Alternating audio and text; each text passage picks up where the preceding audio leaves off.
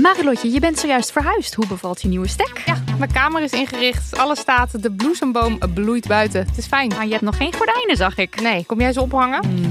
Maar het ding is dus, desondanks alles slaap ik als een koningin dankzij mijn matras van Emma Sleep. Een prinses zonder ert ben jij. Al leg je een ert onder mijn matras, ik denk niet dat ik er last van heb, want het is een hemelsding. En dan heb ik ook nog mijn Emma Diamond Pillow. Jouw slaapkamer is een slaapparadijs. Wil jij dat nou ook? Ga naar emma-sleep.nl en daar vind je moederdag sale met kortingen die oplopen tot wel 50%. En met de code DAMNMONEY aan elkaar eh, komt daar nog eens 10% extra korting bovenop. Mijn naam is Botte Jellema. Jouw naam is Ipe Driessen. Wij zijn van de Eeuw van de Amateur. De Eeuw van de Amateur is een podcast die gaat over... Alles. Het is een eh, podcast over levenskwesties die je niet kunt googlen. Een soort licht neurotische blik op het leven. Het is een podcast met humor. Jezus. Kijk, een grapje. Die, die vragen durft te stellen en die je ook onbeantwoord durft te laten. Mooi. met een regenboogvlagje. Dat, dat noem je queerbot. Dat het regenboogvlagje, dat klinkt echt als een soort... Eh, ik bedoel, iedereen is welkom. Kom ons luisteren in je favoriete podcast-app. Dag zonnestraaltjes en hete hotties. Welkom bij Damn Honey.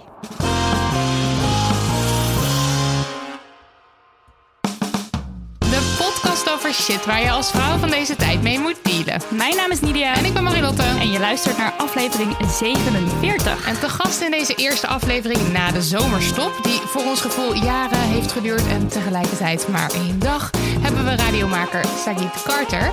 Volgens VPRO-hoofdredacteur Stan van Engelen de vrouw met de beste muzieksmaak van 3FM. Ja, ja. Ze heeft bijna elk cool mens in de muziekwereld geïnterviewd. Ik noem een Lizzo, ik noem een Billie Eilish. En je kunt Sagit's zwoele stem elke avond beluisteren van maandag tot en met donderdag van 9 tot middernacht op 3FM bij de show 3 voor 12 Radio. En ze heeft haar eigen podcast, laten we dat ook niet vergeten. Oh ja. Cartish Radio. Oh ja, Welkom Sagit. welkom. Hi, dankjewel. Bedankt voor de uitnodiging. Erg leuk dat je er bent. Heel. Nou, zometeen meer over jou, over je werk, over Yes. vrouwen in de muziek en alles. Maar eerst eh, Marilotte. Wat is het minst feministische dat je afgelopen tijd gedaan en of gedacht hebt? Eh, ik ben de laatste tijd, volgens mij heb ik dit ook al honderd keer gezegd. Ik loop heel veel, of ik wandel heel veel tegenwoordig eh, sinds de corona times. Ehm, met mijn meid vaak en dan lopen we hand in hand. Eh, en tegenwoordig hebben we daar ook nu ochtends een, twee keer in de week een marktbezoek aan vastgeplakt. Dus gaan we 's ochtends vroeg gaan we naar de markt allemaal lekkere dingen halen, want dan is het nog niet zo druk. En ik heb nu alweer een paar keer meegemaakt dat mensen commentaar moeten leveren op dat we hand in hand lopen. En het was eh, gisterochtend weer een meneer die dan eh, zo naar ons knikt en dan zegt: eh, mooi om te zien. Eh, en, eh, en op de markt eh, moest iemand langs en, en toen ging ik aan de kant en trok Cato mee. En toen, toen was het: hou elkaar maar stevig vast, dames. Het was gewoon zeg maar, het echt zo net zo'n opmerking. Ik denk, eh. maar ik vind het dus wel een beetje lastig om er wat van te zeggen. Want ehm, kijk, bij mij komt er dan een soort of een grom of zo'n mompel uit van en Cato die loopt dan alweer briesend naast me. Maar ik weet gewoon bijvoorbeeld die man die dan zegt mooi om te zien. Ik weet dat de bedoeling erachter is niet per se slecht. Dat merkte ik gewoon aan alles. Eh, ja, en je zou dus bij, som- bij andere mensen is het echt een kutopmerking, bij sommige mensen niet. En bij sommige mensen zou je er dus voor kunnen kiezen om te zeggen: luister meneer, weet u dat het niet per se heel prettig is dat u deze opmerking maakt. Ik, dit hoeft niet benoemd te worden. Zou je dit bij een hetero-stijl ook doen? Ehm, maar dat doe ik dus niet. Terwijl, ik bedoel, het is, het is tenslotte Pride. Ergens zou je kunnen zeggen, moeten we niet... of moet ik niet ook af en toe eens de taak op me nemen... om mensen te educaten? Eh, dus, maar ja, minst feministisch is dus dat ik er alsnog niks van gezegd heb... en alleen een oogrol en, en Cato dan probeert te kalmeren. Die briesende, briesende vrouw naast jou. En eh, ja, dat, eh, en, dan, eh, dan er toch wel weer over na aan denken ben. Van, Ja. moet ik dat dan niet doen? Dus het is mijn goede voornemen om de volgende keer... als het een beetje een safe iets is... en ik heb het idee dat het niet uit slechte bedoelingen voortkomt... om dan toch even te zeggen... niet per se heel prettig, meneer, mevrouw, iemand. Iemand. We hadden Ja. het gisteren ook even erover dat jij dan op de markt aangesproken wordt eh, met schat door de marktkoopmannen. Ja, En daar hadden we dus een discussie over. Omdat, Ja, of, dat, of dat dan... Want ik dacht... is dat nou eh, wel of niet erg? Ja, want ergens, ik vind het, ik bedoel, ik vind het echt niet erg, maar het is wel dat je dan, eh, eh, een, een, een, tros, een tros aardbeien, een tros aardbeien koopt. En dat dan... Sorry, ik moet heel eventjes nadenken. Van, is dat een tro- ik heb een tros aardbeien en dat dan zo'n marktkoopman zeggen... hier, hier lieve schat, eh, dat is dan 38,50. En eh, dat zou die dan De niet Amsterdamse doen. prijs. Ik net. En, Maar dat zou die dan niet doen. Maar, die, er was dan net een jongen naast mij geholpen. Daar hoor je het woord schat niet. Bij die man. Want Nidia Ja. die wees me erop dat vrouwen dat ook heel erg doen. Zeg maar de, Vrouwelijke koopvrouwen. vrouwelijke bij, koopvrouwen. bij, bij mannen dan, Ja, zeg maar. ja, tenminste, ja, die ik noemen iedereen dus- schat. Op de markt vind ik het dus heel erg een Amsterdams ding. En, dan, en ook eh, onze buren hier, die zijn ook altijd... hey schat, hey lieverd. Nou, zie je morgen weer schat. Ik vind dat leuk. Ik Ja. vind het onderdeel Ja. van de cultuur hier. Ja. Maar ja, dus we hadden daar een discussie over. Van, is dat nou wel Maar of is niet oké se- of vervelend? Of, nou, het verschilt Ik ook denk per het kan persoon. pers ja, dat wilde ik net zeggen. Ik denk dat het verschilt per persoon. Ik denk dat als je het niet fijn vindt, dat je gewoon alle recht hebt om te zeggen dat Ja. je het niet chill vindt. Ja. Ja. Maar ik heb hetzelfde als, als jij. Ik, ik ben dus ook in, ik ben in Amsterdam opgegroeid, Ja. zeg maar. En ik heb ook echt een super plat Amsterdamse buurvrouw. Oh ja. Die precies dat ook altijd doet. Maar dat geeft mij dus altijd een heel erg warm, Warm gevoel. Ja, toch? Ja, dat Gewoon, ik dus voel me ook. heel erg Ja. geliefd, zeg Ja. maar. Ja. Maar het is eigenlijk wel heel even duidelijk. zijn. Het is niet zo per se dat ik, dat ik het niet op prijs stel. Want ik vind het ook leuk. Het is gewoon meer dat dat zo'n bewust momentje Ja. was. Dat dan iemand anders duidelijk niet schat wordt genoemd. Ja. en Ja. ik wel. Ja. En dat ik toen ook dacht, ja, eigenlijk technisch gezien is het Seksisme. Weet je dat? Ja. Ja.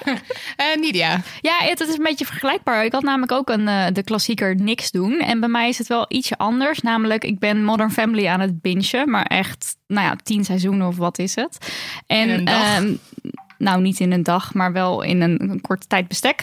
Want ik ben gewoon heel moe en dan wil ik gewoon heel erg niks tv. Anyway, heel, eh, in Modern Family en in, op Netflix sowieso... wordt white nog altijd vertaald als blank. In plaats van als wit. Ja. En ehm, ik zie dat elke keer. En elke keer denk ik, "Arr", soort de kato, de Ja. briesende, briesende vrouw ben ik dan. Maar ik doe er dus vervolgens niks mee. En wij hebben ons als Damn Honey er wel eens over uitgesproken. En wel eens iets naar Netflix gestuurd, geloof ik, in de story. Ja. Maar als persoon voel ik dan dus niet... Of nou, ik voel misschien wel iets wat van drang, maar ik doe dus niks er vervolgens mee. En ik moest, aan een, eh, ik moest eraan denken omdat we een bericht kregen van Sophie in de DM.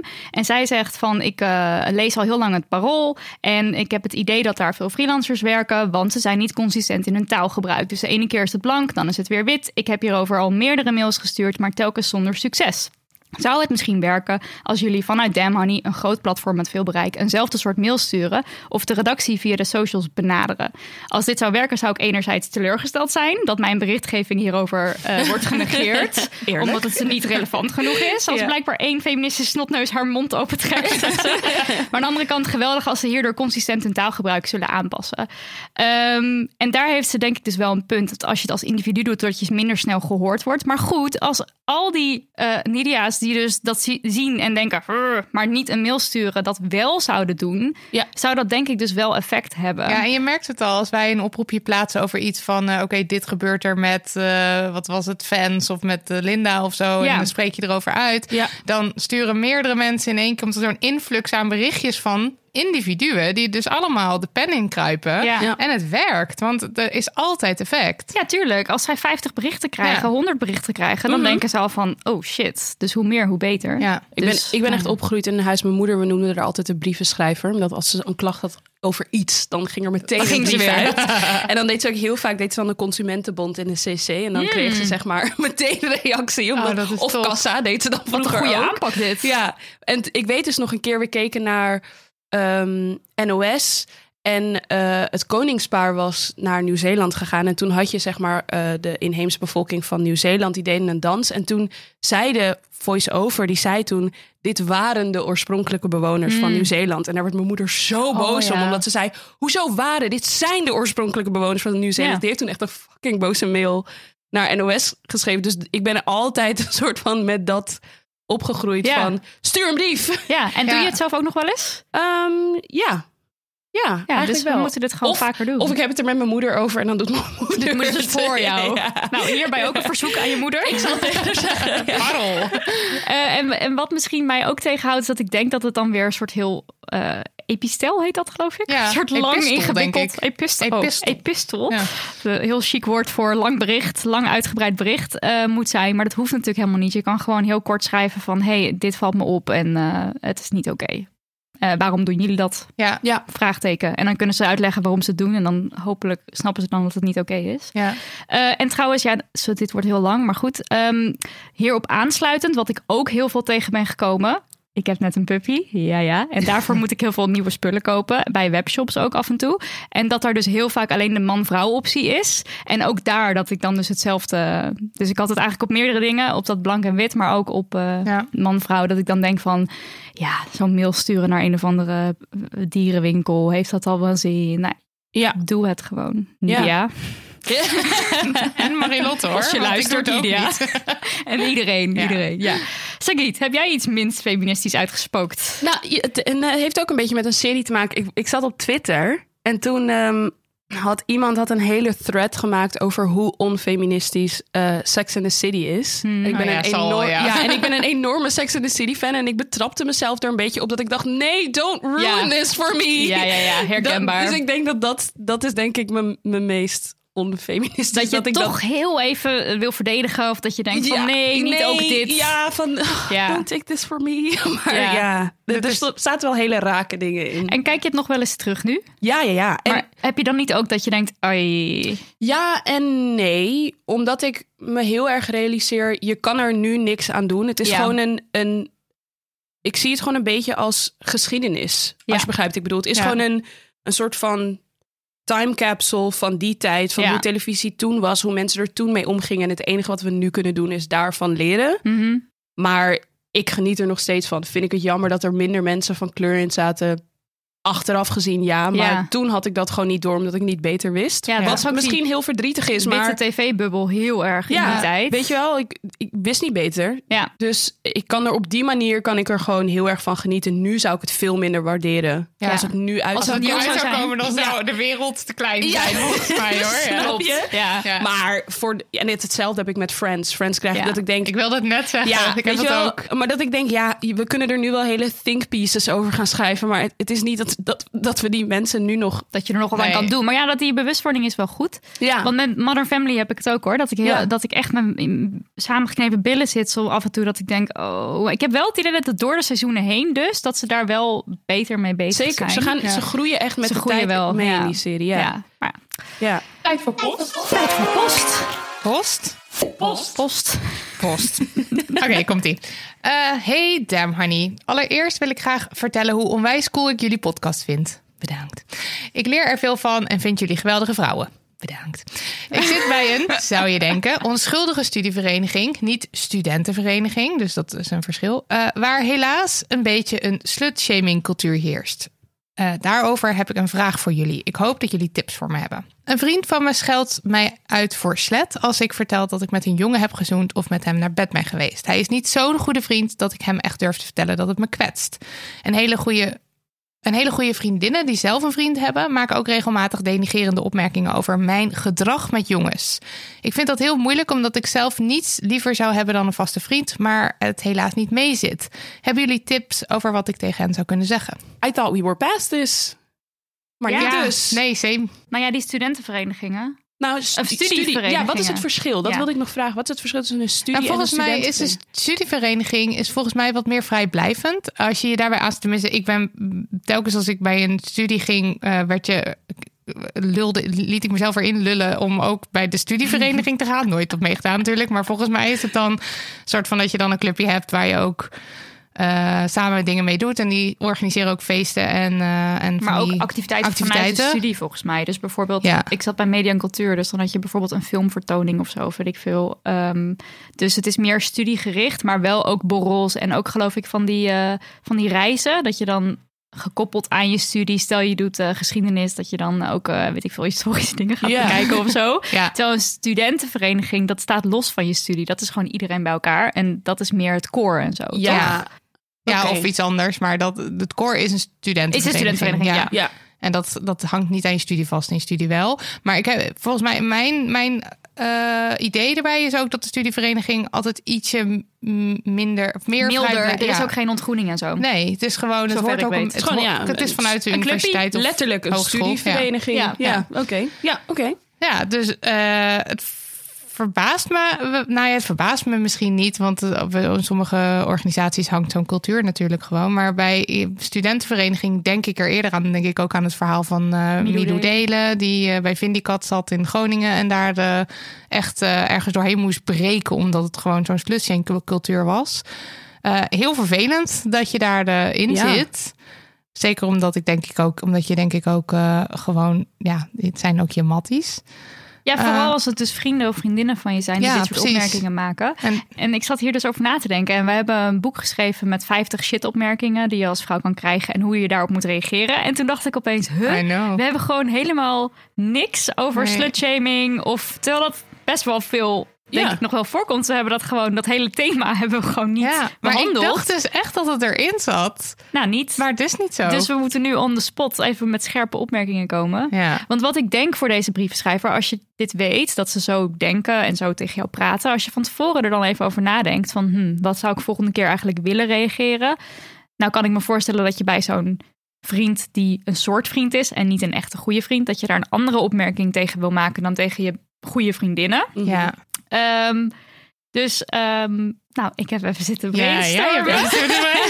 nou, ik dacht, wat kan je zeggen? Je kan zeggen, eh jaloerse schat. Kan je Ja. tegen zo'n jongen zeggen? Of je kan zeggen... Of tegen een vriendin ook hoor. Want, Ja, dat kan eh, ook. als nou iemand- ja, zeker. Ja, Ja. zeker. Of, ehm, sorry, ik moet nu echt gaan, want over een kwartiertje heb ik mijn volgende seksdate. En over twee uur ligt die daarna alweer klaar. Dus ik moet echt nu rennen. Ik moet echt door. ik moet echt door, sorry hoor.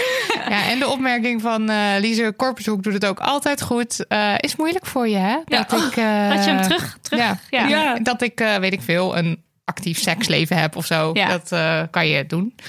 Ja. Dat zou een goede Of zijn. vragen van, hey, waarom moet je daar eigenlijk zo'n opmerking over maken? Ja. Wat, is, wat is het dat, je, dat Gewoon dit jou zo... vragen. Ja. Überhaupt is dat denk ik sowieso de, de beste manier als je niet per se iemand wil kwetsen. Als je niet iemand wil wegzetten met een opmerking, is een vraag stellen. Eh, dat komt altijd terug in deze podcast. Een vraag stellen, het Geleerd van beste. Sylvana Ja. Simons. En dan zeggen van, eh, waarom vraag je dit? Hoe komt het dat je dit, dit je nu nodig vindt om deze vraag te stellen? En dan kan je het daarover gaan hebben. Dan gaat de ander nadenken. En, eh, en Nidia die had nog een hele Ja, goede. eh, vergeten dat we blijkbaar, eh, even vergeten dat we blijkbaar in de jaren 50 leven. Mijn dank voor deze herinnering, wel edele heer. en of mevrouw. Als het, ja. Maar ja, dit zijn natuurlijk dame. meer een soort van catchy, grappige dingen. Eh, maar de brievenschrijver schreef van... ehm, ik wil eigenlijk niet zeggen dat het me kwetst. Dat kan ik me voorstellen, want dat maakt je ook weer kwetsbaar. Dus misschien is dan dus een, soort, ja, een vraag stellen of iets. eh, is altijd een goede eh, manier. ja. Heb jij ervaring hiermee? Nee, ik denk dat dat Nee. misschien de reden is waarom ik zo dat je denkt, verba- in de war bent. Ja, Ja. gelukkig eigenlijk. Nee. Jij, Marilot? Nee, ja, ik deed niks. Ik deed nooit wat vroeger. Ja, maar ja, ik wil net zeggen, ik eigenlijk ook niet. Dus misschien dat is dat ook wel dat dat de reden is. Ja, ja. Nee, ik ook zijn. niet. Dus we kunnen geen, eh, geen ervaringen uit eerste hand eh, geven. Maar goed. Oké, ik hoop dat je hier wat mee kan. Poststuk 2. Lieve Nidia en Marilotte. Ik luister jullie podcast momenteel, momenteel helemaal opnieuw. Omdat het gewoon mega leuk is. Dat vind ik echt best wel Oh tof. god. En nou heb ik een vraag waarvan ik even niet meer weet of deze al eerder gesteld is. Nou, zover wij weten niet, dus daar komt ie. Ik werk in de zorg slash sociale sector. Als ik vacatures lees, staat daar vaak het volgende in. Wegens de huidige samenstelling van ons team zijn we op zoek naar een mannelijke kandidaat. Ik neem dan aan dat het betreffende team dan dus bestaat uit grotendeels vrouwen en dat de organisatie er daarom een man bij wil hebben. Ergens denk ik dan, oké, het is ook wel leuk slash handig als er evenwicht is. Want in de zorg heb je natuurlijk ook mannelijke cliënten die graag een man als hulpverlener willen. Anderzijds stuit het me echt tegen de borst als ik dit in een vacature lees. Want waarom moet er per se een man aangenomen worden? Wat brengt een man dan mee wat een vrouw per definitie niet heeft? Het gaat toch om iemands vaardigheden als je een nieuwe collega zoekt? Ik hoor heel graag wat jullie hiervan vinden. Ik ben zelf een keer bij voorbaat afgewezen voor een functie omdat ik vrouw was. Dat ging om een functie van jongerenwerker. En toen kreeg ik ook als reactie dat de voorkeur uitgaat naar een man vanwege de samenstelling van het team. Ja, dit is een beetje de... Wat zijn jullie thoughts? Ja, dit is een beetje de, de, de omgekeerde vrouwenquota. Waar wij altijd wel best fan van zijn. Of in ieder geval waarvan we vinden dat het een goede zaak is als het op een beetje een kunstmatige manier uh, rechtgetrokken wordt. En dan heb je het vooral. Bij vrouwen gaat het over dat je ze mist in het bedrijfsleven en in de politiek.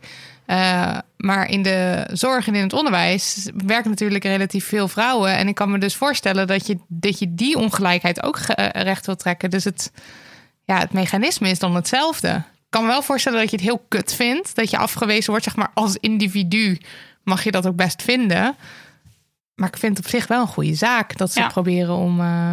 Ik denk ook dat ze de, de vraag een beetje net aan het begin van de van de berichten al een beetje beantwoorden, toch? Over het feit dat je soms mannelijke cliënten hebt. Uh, Bijvoorbeeld, ja. Die het, ik bedoel, als ik uh, bij de huisarts ben, heb ik ook altijd veel liever een, een, vrouw. Maar ik kan me voorstellen dat een man veel liever een man heeft. Ja, ja.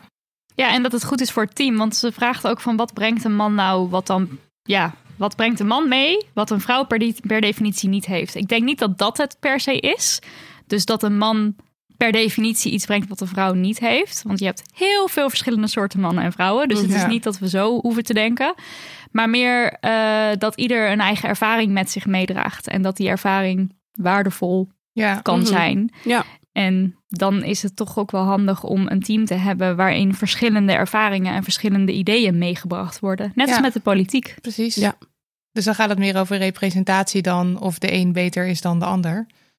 Ja, en, maar we hebben het daar ook wel eens over gehad dat het dus misschien wel beter is. Ook al is iemand het, heeft iemand dezelfde skills. Op ja, het moment dat hij dus die andere ervaringen met zich meebrengt. Dat dat dus eigenlijk ervoor zorgt dat, dat je beter iemand, bent. Ook al is het misschien in techniek of zo niet zo. Of in vaardigheden. Ja, ja. ja. ja. Dus ja, eigenlijk uh, zijn we wel voor. Maar inderdaad, wat jij al zei, Marilot, het is voor is op, de, op de individu is het heel rot om te horen van ja, je bent niet aangenomen, want uh, je bent vrouw. Nee, ja, ik, ik snap ook heel, stom. Ja, en ik snap ook altijd als, als er commentaar is op die vrouwenquota, je wilt toch niet uh, af, afgewezen worden omdat je man bent of aangenomen omdat je vrouw bent. Ja, het kan, het kan misschien stom voelen, maar het is gewoon voor the greater good of zo. ja. Ja, ook met de hoop dat het dan later beter uh, wordt.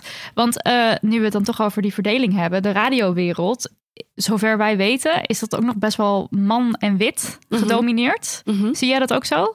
Vanuit um, jouw. Uh... Nu moet ik zeggen dat bij 3FM gaat dat best wel goed. We ja. hebben best wel veel vrouwen. Bij Phonics gaat het ook hartstikke goed. die liepen daar geloof ik in voor, als ik me niet vergis. Mm. Um, ik zat uh, bij 538 te kijken. En dat ja. 538. Oké, okay, hij viel er even uit. We hadden een technisch probleem. Toen moesten we een man daarvoor vragen om het op te lossen. En maar we zijn er weer. net weer weg. Hij we waren bij de ballenbak van 538. Ja, ja. Um, ja what, uh, 538, wat is daar nou weer, jongens? Wat, wat is dit? Wat jongens, niet? Ja. Ja. ja, geen idee. Ja. Ik heb geen idee. Um, ja, ik bedoel, als ik me niet vergis, heeft, heeft Frank Daan had niet zo lang geleden ook nog zo'n domme ja. opmerking gemaakt. Ja, heel dom. Laat ik hem er even bij pakken. Ja. Want ik heb hem, uh, ik had het gequote. Ja, ja. Uh, 2019, eind 2019 zei hij tegen het Parool. Um, hij zei dat, hij, uh, dat iedereen blij zou moeten zijn met goede nieuwe vrouwelijke radio-dj's. Maar soms denkt de 538-dj, dus Frank, dat ze er in Nederland niet zijn. En dan quote, wat ik bedoel. Claudia de Brij maakte een werkelijk fantastisch radioprogramma bij 3FM. Maar dat was Personality Radio. Met vier liedjes in een uur. Een vrouw die 13 liedjes in een uur doet. Ik heb haar nog niet gezien. Uh, Bitch, volgens, ik draai er 15. Ik wou net zeggen, ik draai er 15 We zaten al een beetje te tellen. Ja. Ja. kan dit hoor, mensen. En ik ben niet de enige en hij bedoelt dan, want dit vind ik helemaal offensive. Want dan zegt hij van uh, de snelle manier van radio maken die hij bedoelt, is een van de moeilijkste dingen. Technisch heel lastig. Het is op de radio veel moeilijker om kort te praten dan om lang te praten. Maar begrijp me goed, ik weet zeker dat ze bij 50 staan te juichen als er een vrouw opstaat die het kan. Dus hiermee zegt hij ook van het is technisch heel lastig. Het is te moeilijk voor de vrouwtjes. Ja, dat, ja. dat haal ik eruit. En dan straks zo kruipt er iemand van het zwakke geslacht zo omhoog en die wordt dan als een man. Sagit daar is ze. ze ja, en ik, ben, en, ik, en ik ben niet de enige. Weet je wel, ik bedoel, er zijn er hartstikke veel. En het is gewoon, zeg dan gewoon heel eerlijk dat je gewoon naar geen enkel ander radiostation luistert dan 538. Ja, Daar komt het gewoon eigenlijk op neer. ja, wat je kent of zo. Ja. Echt bizar. Maar goed, ik kan me dus voorstellen dat je uh, dat de radio, dat het daar dus ook heel goed zou zijn als ze de, bij een volgende vacature zeggen: we willen een vrouw. En dan zouden we dat ook heel erg toejuichen. Om even terug te komen op die brief waar we het net over hadden. En dan zou het voor een man die dan solliciteert zijn. En dat Ja, mag dan. Precies. Ja, Ja. en dat is dan heel vervelend. Ja. Maar de afgelopen jaren Ja. waren het alleen maar mannen. Ja. Eh, en, eh, nee, laten we. Ik wil zo meteen nog verder met je praten over het radio Maar en gaan seksisme verhaal natuurlijk. dingen maar dat doen. komt dan zo nog. Want we hebben nog één laatste Ja, brief. poststuk 3. Hoi, lieve meiden van Damn Honey. Allereerst wil ik even mijn waardering uitspreken voor jullie podcast. We laten deze zin altijd staan. Ja, tuurlijk zou ik ook doen. Ik ben fan sinds het eerste uur en hoop dat jullie nog lang door kunnen blijven gaan. Jullie inspireren me om meer voor mezelf op te komen en dingen vanuit een ander perspectief te bekijken. Ik mail jullie met een vraag of eigenlijk meer met een probleem. Zolang als ik mij al scheer, heb ik last van scheerbultjes rond mijn bikinilijn. Dit heeft ertoe geleid dat ik veel donker veel donker littekenweefsel heb, wat goed zichtbaar is als ik een onderbroek of bikinibroekje draag. Dit samen met de rode scheerbultjes maakt dat ik erg onzeker ben. Of dat ik er erg onzeker over ben. Nu zie ik de laatste tijd steeds meer meiden, waaronder ook jullie, die trots bijvoorbeeld hun cellulitis en andere mooie lichamelijke features laten zien, waardoor ik dit zelf ook meer ben gaan omarmen. Ik betrap me erop dat ik altijd wanneer ik een bikinifoto zie, stiekem even inzoom om te kijken, zouden andere mensen ook last hebben van scheerbultjes of ben ik echt de enige hierin? Mijn vraag aan jullie is, hebben jullie toffe voorbeelden van hoe andere vrouwen scheerbultjes in een positiever daglicht zetten, zodat ik me minder alleen voel hierin? Hebben jullie een gouden tip voor me hoe ik dit kan verhelpen? Het gaat mij niet zozeer om dat ik al helemaal glad wil zijn daar beneden, maar de bultjes zijn erg pijnlijk. Keep up the good vibes. Jullie zijn toppers. Ja, scheerbultjes, Ja. bikinilijnen. Nou, ik, als ik vanuit mezelf mag beginnen, als ik mij scheer, dan, niet, dan ziet het er nog steeds niet mooi glad uit. Zeg maar, die haartjes die zitten, die zitten zo onder de huid. Ja, ik probeer het nu Ja. voor te doen. Daar heeft niemand wat aan die luistert. Het is maar wat donkerder. zeg maar, het groeit. Ik kan het niet weg. Ik, als ik het wegscheer, is het niet opeens super silky mooi glad. Dus voor mij is het ook echt een raadsel hoe het kan dat je altijd eh, op eh, reclameposters of zo Ja. dat je altijd van die super gladde, maar ook voor oksels, voor me, nou voor mijn benen geldt wel is net anders. Daar groeit het denk ik net anders, maar het is ook echt iets waar ik me heel erg lang voor geschaamd heb. En vroeger droeg ik dus ook altijd bikinibroekjes met van die korte pijpjes, terwijl ik dat helemaal niet zo mooi vind staan bij mezelf. Maar dan hoeft het, dan zag je het niet en dat vond ik dus heel prettig. Eh, en ook ehm, eh, nu nog als ik een bikini aantrek, dan is het altijd even van, oh ja, kan je het nou wel of niet zien? En dan denk ik nu altijd van mensen letten daar niet op. En als ze er wel op letten, dan is het ook pech. Maakt niet uit. Ja, of maar, we zoomen erop in. En maar dat is alleen maar dan omdat ze zich minder alleen willen voelen. ja, en dat is natuurlijk prima. Ja. Ehm, maar dat, dat zou ook betekenen dat er gelijk een foto wordt gemaakt. Maar ik bedoel gewoon als je gaat zwemmen. Oh, zo. Ja, ja, ja. Nee, daar letten mensen niet op. Nee. Ehm, maar toen we, wij gingen twee jaar geleden geloof ik naar Milkshake, Marilotte en ik en onze huisgenoten. En toen had ik een soort Oh heel ja. sexy lingeriepak aan.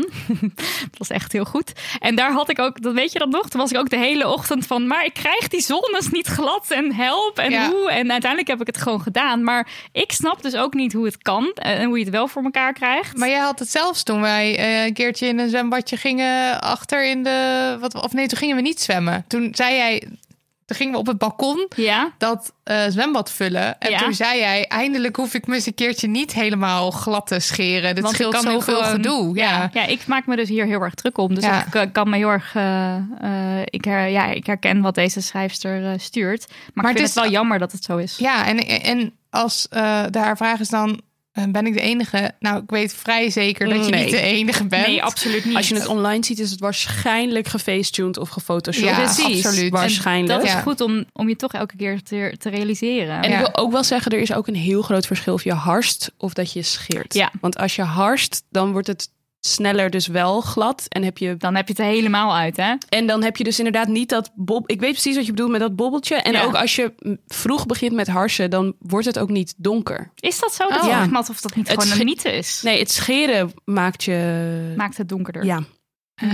Ja, nou ja. Tenminste, Verkeerd begonnen dan, hè? misschien is het wel een mythe, I don't know. Maar bij de mensen die ik ken, die zeg maar het. harsen, we- werkt het. Ja. wel. Ja, ik durf dat niet. Of maar ook, ik wil het ook helemaal niet. Even Nee, los van of je het ook wel niet of niet doen, durf, ja. denk ik, ja, dan moet je weer daarheen. Nee, ja, ik zou... Daar weer on- oncomfortabele small talk gaan hebben met mensen. Het, Maar enige, ja. het enige is gewoon wat zij heeft als, als je scheert. Ik heb op een gegeven moment, het is gewoon, ik vind het super oncomfortabel. Ja, Dat is het meer. Ik vind het scheren Als gewoon... in, irritant om te doen of pijnlijk ook? Nou, het is ook de, de, fase als het zeg maar gaat groeien. Ja, net daarna. jeukt. Oh, dat is zo irritant. ja klopt. Ja, dat En Ja, als, je nee, dus, dat- ja. en als ik dus hars, dan is het gewoon even twee, drie weken weg. En de haren komen Zo minder lang is hard. het echt weg. het verschilt Bij per jou. persoon, hè? Ja. Hm. En de haren komen minder hard terug. ja. Ah, ja. Dus als het dan teruggroeit bij mij dan, dan komt het zachter terug. Want die haren waren gewoon vet hard op een Ja. gegeven moment gewoon. En ik trok dat gewoon niet meer. Nee. Je was gewoon klaar. Ja. Maar Ja, dat, dat het- is dan dus ook een tip. Ja, en wat ik dus, en als je het dus liever wil houden bij scheren, want ik zou dus het harsen niet willen, want het lijkt me echt te veel gedoe. Ja. Ehm, eh, en, en scheren vind ik eigenlijk ook wel gedoe. Ik sla de hele tijd bij be- banen over op mijn benen. Zo ik ook. overal Ja. haar. Maar eh, dan, ik ben wel, ik ben groot fan van de scheercreme eh, Dirty van Lush. Dirty.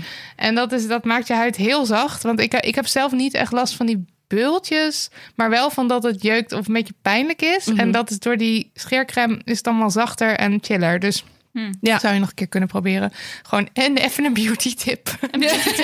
Gooi je er gewoon even Doe ook. Eh, en ze vroeg ook of we accounts wisten van eh, mensen die online ehm eh, scheerbeeldjes laten zien. Nou, toen ging ik dus zoeken op hashtag razorbumps. Nou, dan krijg je vooral heel veel tips met hoe je ervan afkomt. Ja. En die tips, dat zijn gewoon meer Maar alleen maar. advertentieachtig. Echt Ja. pagina na pagina Ja. op Google. Alleen maar eh, hoe kom je er vanaf? Dus ik heb eigenlijk wel een idee. Namelijk ehm, voor iedereen die dit aandurft. Maak een foto van je bikinilijn. eh of ja, van de voorkant van je, van je vulva. Terwijl je dus een, eh, een onderbroek of een bikini Ja. of whatever aan hebt. En dan hoef je daar verder, hoef jij daar helemaal niet op te staan. Vervolgens mail je dat naar ons of je DM't het naar ons. En dan maken wij een post, anoniem, met al die foto's. En Ja. dan kunnen we laten zien van dit is hoe het er normaal uitziet. Het is Ja. niet raar. En een andere tip, want ik weet dus niet per se een account die het actief zo laat zien. Maar ik weet wel dat ik bij Billy, dat is een scheermerk, voor het eerst foto's zag van vrouwen in badpak met een bikinilijn waarvan ik dacht, hey, dat lijkt Hey, op mij. ja. Ja. Want dat is dus niet super. Het zijn niet per se scheerbultjes, maar wel eh, niet super glad. Of dat er een beetje haar zo eh, bij het broekje er, er langs komt. ja, van een beetje Ja. stoppeltjes en zo. Ja, en dan staat er, stond ook hier een quote bij, zoiets van eh, volgende keer eh, als je dat ziet. Of nee, wacht, als je het ziet, dan zou je niet moeten zeggen van, eh, oh, je bent vergeten eh, te scheren of zo. Maar dan zou je moeten zeggen van, oh, ben je het, aan, het- ben je het lekker aan het laten groeien? Ja, ja dit is precies het soort van ja. wat we willen met de mensen. Omdenken. Omdenken. Ja, dus eh, stuur allemaal je hashtag razorbumps eh, of gewoon bikini foto's. En dan maken we er wat moois van. Ga ik er zelf ook tussen staan. En je kan mij herkennen, dit is even een verhaal wat ik toch even wil vertellen. Je kan mij herkennen aan een litteken, want ik had laatst lag ik popcorn te eten in bed en kwam net uit de magnetron. En toen scheurde ik het zo open Nee. en ik lig heel vaak in bed zonder kleren. En toen gingen dus die niet gepopte korrels, Nee. die echt 800 graden zijn, Nee. Oh nee. rechtstreeks mijn bikini leiden. Maar je hebt dit al twee en- keer aan mij verteld en ik heb nog steeds als ik het hoor dat Er ik het zit er zo dus er- Het grootste deel was op mijn bovenbenen. Daar had ik allemaal rode vlekken. En er is er één eh, litteken in mijn, Zielig. in mijn lijn. Dat is wel grappig. Oh. Dus.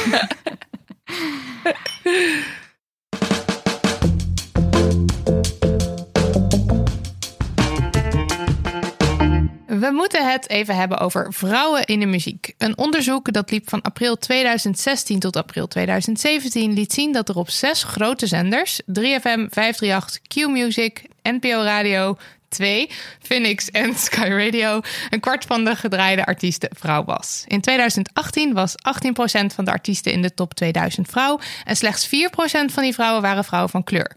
Waarover muziekproducent Roland Molendijk destijds bij RTL Boulevard zei: Vrouwen maken gewoon minder goed, minder snel goede muziek. Festival line-ups worden ook nog altijd grotendeels gedomineerd door mannen. De grote bazen achter deze line-ups verschuilen zich graag achter argumenten als kijken naar de commerciële waarde.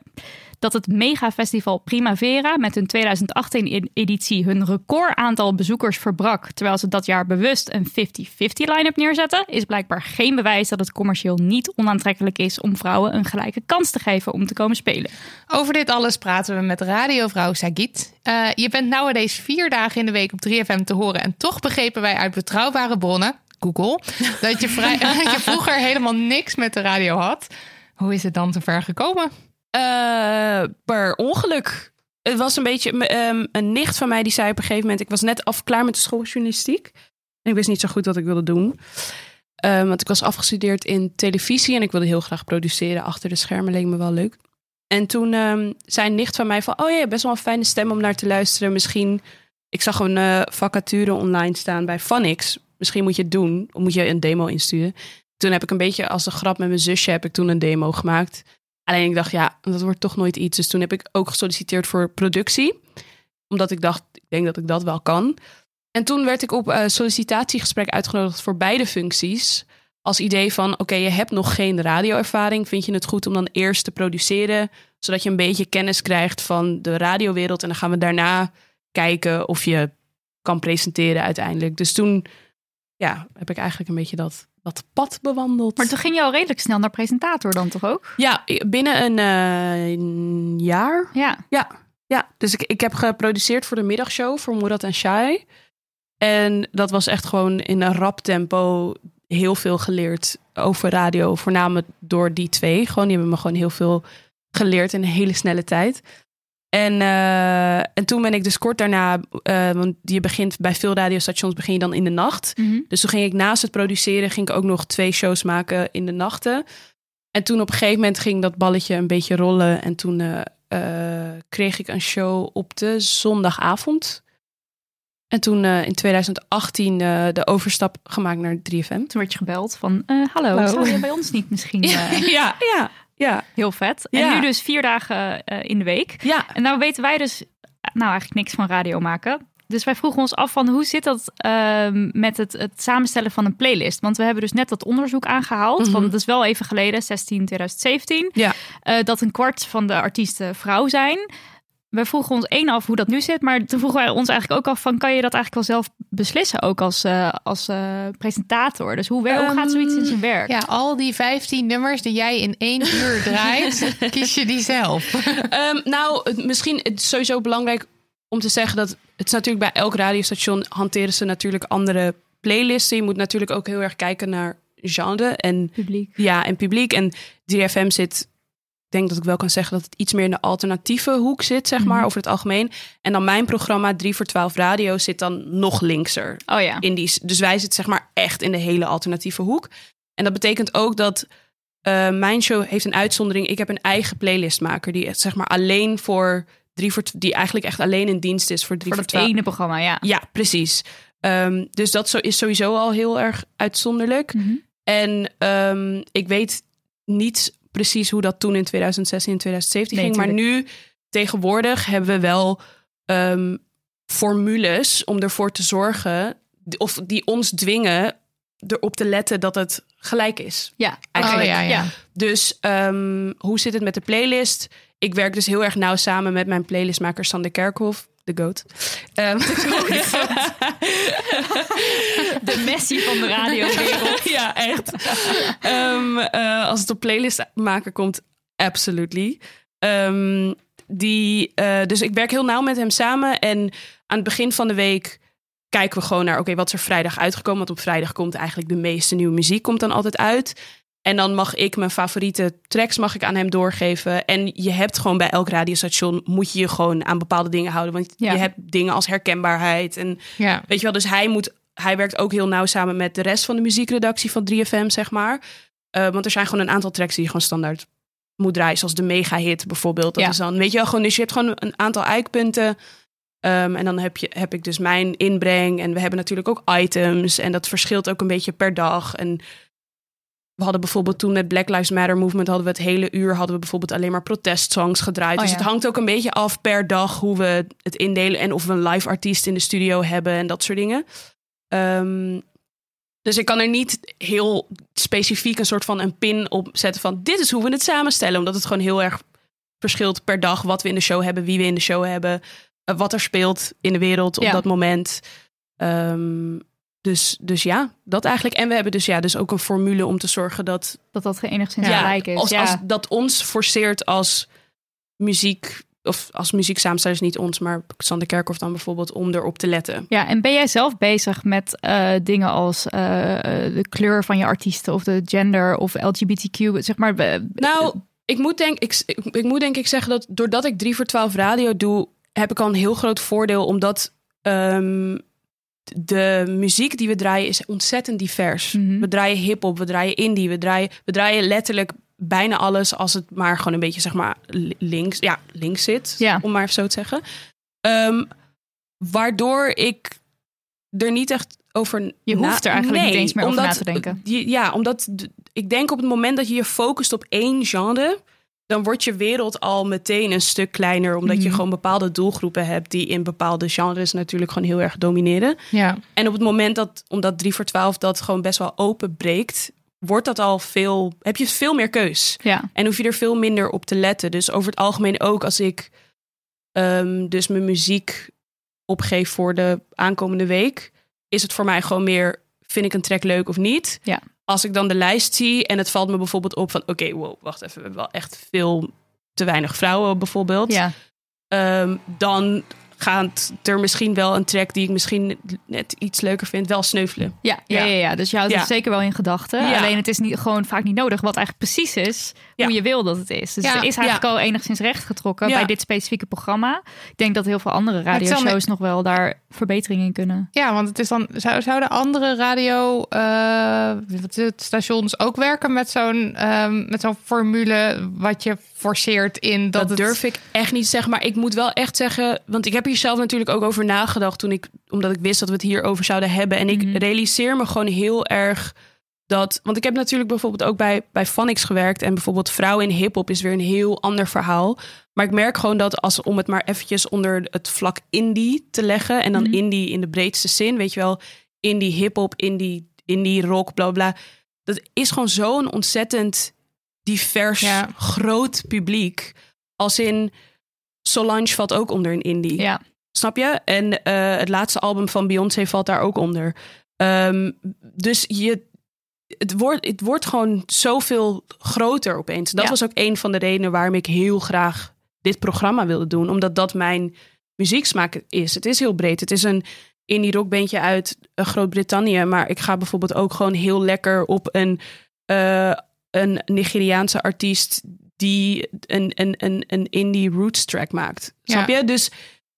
En dat is het leuke, dat je met deze show kan je gewoon heel erg ex- experimenteren, zeg Ja. maar. Maar even een vraagje, want ik luister dus weinig tot geen radio. Ehm, eh, wat is dan, eh, welke programma's zitten bijvoorbeeld vast aan een genre waar je dan eh, ineens allemaal mannen moet draaien? Het is, nou, het is niet... het genre is is, niet- man. Ja, het is niet dat je programma's hebt die vastzitten aan een genre, maar je hebt natuurlijk een radiostation focust zich op een bepaald publiek. Ja. Dus bijvoorbeeld Phonics focust zich heel erg op R&B en, en hip-hop. En eh, als we vooral kijken naar hip-hop, hip-hop is gewoon een man gedomineerd genre. Ja, Dus dan wordt het al moeilijker, omdat er gewoon al minder vrouwen zitten. ja, dus dan moet je echt actief gaan Snap je wat ik bedoel? Dus dan Ja. moet je actiever opletten. En dan moet je daar meer bovenop zitten en iets meer je best voor doen, omdat daar gewoon minder vrouwen zitten. En dat Ja. is een lange tijd is dat bijvoorbeeld ook zo geweest bij rock. Nu hebben we in Nederland niet een specifiek rock radiostation, om het maar even zo te zeggen.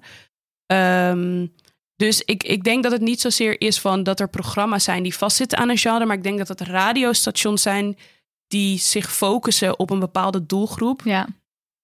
En Ja. dan wordt het gewoon la- ja, lastiger of Ja. zo. Ja, en we hebben Al zelf denk ik ook wel wel eens dat- gehad dat Ja. we... Sorry. We hebben zelf ook wel eens gehad, dan gingen we naar de radio... en dan mochten wij een aantal nummers laten horen. En toen hadden En we ook Mona ja. Haidar hadden we ook eh, gekozen. En toen werd zij dus ook geschrapt... omdat het dan toch Te Ja. vaag. Ja. te raar... of dat kennen Ja. ze niet... of dat, dat, dat paste dan niet. En dan de, Precies. de Lizzo eh, werd dan dus... dat is dan wel goed, want dat is natuurlijk nu poppy en, en, en heel bekend. En dat mocht dan dus wel. Maar dat was Ja. eerst ook raar. Dat was natuurlijk Snap eerst- je wat ik bedoel? absoluut, dus en, ja. en, en ehm, bijvoorbeeld echt eh, een Solange zou je bijvoorbeeld nooit horen op Phonics. want? Ja, omdat dat dus Dat te is- links is. Het is oh. net iets te vaag. Oh ja. Snap je wat ik bedoel? En Ik snap ehm, het, maar ik vind het ook onzin. Of tenminste, Ja, ja, nee, maar, maar het is meer, je moet je... Ja, je ik, moet ik je denk, op je publiek richten. dat Precies, vind ik logisch. ik snap wat ik bedoel. maar- En, ik denk, en ik denk persoonlijk dat dat de kracht ook is van Phonics. Die hebben gewoon Tuurlijk. zo goed in mind wat het is, wat hun doelgroep wil horen. Ja. Ehm, en ik denk dat dat hun, hun kracht is. Maar dat, dat is wel meteen, denk ik, het voorbeeld wat ik dus bedoel met... Daardoor wordt je wereld wel kleiner. kleiner. Ja. ja. Ja, maar ik denk ook niet, het is dus niet een probleem dat ze dan Solange niet willen draaien. Het zou een probleem zijn als ze dus vrouwelijke artiesten die binnen het genre wel Ja, passen, dat ze dat die niet draaien. draaien. Want Ja. Maar als ik ik, een radiozender aanzet, wil ik ook wil ik ook een bepaald soort muziek luisteren. En zet ik het ook uit als er dan opeens iets komt wat ik helemaal niet aantrekkelijk Exactly. vind. Maar dat is ja. logisch. Oké, dat snap ik. Maar het is meer eventjes... Het ging ook mij een beetje over dat voorbeeld van Lizzo. Van toen mocht dat wel gedraaid worden, maar heel lang is dat ook raar geweest. Waar is dan die omslag Mm, ja, gekomen dat het dan... Ehm, de tracks. Soms zie je bij artiesten die bijvoorbeeld gewoon heel vaag beginnen en op een gegeven moment, ik bedoel Billie Eilish, Ja, dat is een heel goed voorbeeld. Ja. vonden mensen eerst ook een beetje vaag Weird, ja. en weird en ze dachten, nou oké, het zal allemaal wel. En opeens was er, ja. en werd ze ook ge- opgepikt door 538. Nou, dat was wel. eh, Maar dat komt door een, door een specifieke track dan van haar? Of... Dat kan, of het, het is denk ik een samenloop van veel dingen. Van er is een track en op een gegeven moment heeft eh, de mainstream misschien opeens door dat ze underground gewoon heel groot is. En dan heb je gewoon misschien één bepaald platform dat besluit haar op te pikken en andere mensen zien het. En voor je het weet, ja. Ja, ja. wordt ze groter, groter en groter. En je hebt natuurlijk nu ook met Spotify en zo. Vroeger was je gewoon veel meer, ge- moest je radio luisteren. En dan luisterde ik de top 40 en dat was het dan. Ja. Ja, en, En ik nu is ontdek het al mijn veel- muziek via Spotify. Ja, nu is het Ja. al veel makkelijker. En als dan een artiest doorbreekt op Spotify. Maar ik, Precies. heb, ik geloof wel, ik weet, weet hier het fijne niet van, maar dat er wel best wel veel Nederlandse rappers zijn die dus heel groot zijn op Spotify. Ja. Maar van waar radiozenders, laatst is 58 geloof ik daar ook, eh, eh, was er ophef over dat ze dan zeggen van we mogen maar één eh, rap track per uur of zo. Ja. Hè? Dat was ook Klinkt heel... alsof zij ook met formules werken. Ja, ja, eh, de, ik, ja, nogmaals, ik weet niet Ja, hoe dat dat bij 5, ja. 538 werkt. Maar ehm, ja, dat is, dat, dat is een ding. Want als je kijkt, hip-hop is gewoon ontzettend groot in Nederland. Weet je wel, ik bedoel, als ik me niet vergis, ze staan week na week staan ze in de, in de, in de top 10 van de albumcharts. Ja, Ja. Ehm, dus er is een enorme kloof tussen online, wat er online gebeurt en wat er on-air gebeurt. Ja. Snap je? Want ik heb ook heel vaak dat ik dan een gloednieuwe artiest hoor en dan ga ik naar de Instagram en dan zie ik dat ze 10 miljoen volgers hebben. Dat ik denk, ook. I have no dan? clue who you are. Weet je wel? Ja, dat is wel een beetje ehm, de, de tijd waar we, waar we we in zitten. leven. Ja, Ja. Dat, dat er gewoon twee werelden bestaan. ja. Ook met televisie. Je hebt televisiesterren en je hebt YouTube-sterren. ja, klopt. Ja, dat is heel vergelijkbaar. Ja. Alleen Snap het is je? dan toch wel weer typisch, vind ik, dat het dan dus vooral rappers zijn die dan dus Ja. niet gedraaid worden. Ja. Waar lijkt mij dan ook een laag racisme vaak ook nog Eh, overheen ligt. Ik denk dat het een, ehm, een kwestie is van vooroordelen. Als in, ik denk dat mensen een heel duidelijk idee hebben van wat een rapper is en wat daar allemaal bij komt kijken. En een soort van, weet je wel, gewoon een, beetje erop neerkijken en het gewoon niet zien als, een, als echte Ja. Als- muziek. Ja, of als kunst. Als kunst, Ja. inderdaad. Ehm, dat, daar heeft het mee te maken. Ehm, het heeft nogmaals te maken met het publiek. Ehm, niet elk. Ik denk dat de gemiddelde 538-luisteraar misschien inderdaad niet op Boef zit te wachten. I don't know. Ja, Ik weet het niet zeker. Dat is een aanname. Maar ja, nou ja. Eh, en jouw persoonlijke geschiedenis met muziek? Was Mhm. je altijd van jongs af aan al heel Ja. erg daarmee bezig? ja, ja, ja. Ik ben in. Ik kom uit een heel muzikaal gezin. Als in de, de, of de radio of mijn moeder was gewoon altijd platen aan het draaien. Gewoon always. Echt nog de ouderwetse platen platen? Ja, of cd's, weet Oh, je ja. wel. Dat was op een gegeven moment, we hebben gewoon een hele cd-kast. En eh, ja, ja. is, het, is, het, is het korte antwoord. En zijn En er... wat, ja, oh. wat zijn dan de artiesten die jij uit je jeugd, of zeg maar een artiest die jij uit Oh je jeugd God, ik heb- herinnert, dat je dan denkt, oh mijn god, dat is het. Dat ik is heb het altijd over deze guy Prince. Ja. Oh, Ik heb het altijd over hem. gewoon by far. die is het. Ja, dat is hem gewoon. Prince. Ja, je hebt toch ook een albumcover of iets? Je hebt een poster of Ik iets heb een, eh, ja, mijn, eh, mijn, eh, met wie ik van X-Base maakte, Pim, toen ik ging stoppen met Base, toen heeft hij inderdaad een hele grote eh, Prince eh, print voor me eh, gekocht. Heel lief en helemaal ingelijst. Leuk. Dus die hangt nu boven mijn bank. Ja. Ja, ja, ja. Grote liefde. Ja, ja, mijn grote muzikale liefde. En Ja. eh, door de jaren heen, als je ook bijvoorbeeld vrouwelijke artiesten, als je daarover nadenkt, zijn er vrouwelijke artiesten die een hele grote rol hebben gespeeld in jouw persoonlijke leven? Ehm, Of die jou inspireren? nou ja, ik heb er net al genoemd. Ik vind Solange vind ik echt heel vet. Op dit moment vind ik No Name vind ik heel sick. No Name is een rapper uit Chicago, maar zij is in de afgelopen paar maanden... en ze is eigenlijk altijd al heel politiek ingesteld... maar in de afgelopen paar maanden is ze echt gewoon from zero to 100 gegaan Mm. online. En eh, ze heeft ook haar eigen boekclub en ze is gewoon heel erg bezig met het delen van kennis de hele tijd. Weet je wel, over kapitalisme, racisme, feminisme. Gewoon, zij is gewoon echt eh, unapolo- unapologetically herself. En dat vind ik heel erg vet om te zien. Ondanks dat ik haar muziek ook heel vet vind, vind ik het ook gewoon heel tof om te zien hoe hard ze durft te schreeuwen, om het maar even zo te zeggen. Hm, ja, Ja, Zei het No Name? Ja. no name. No. Name, oké. yes, ja. En zij is ook iemand die gewoon niet bang is om eh, te leren in front of people. Dus bijvoorbeeld, ze heette eerst eh, Gypsy No Name, geloof ik. Of No Name Gypsy.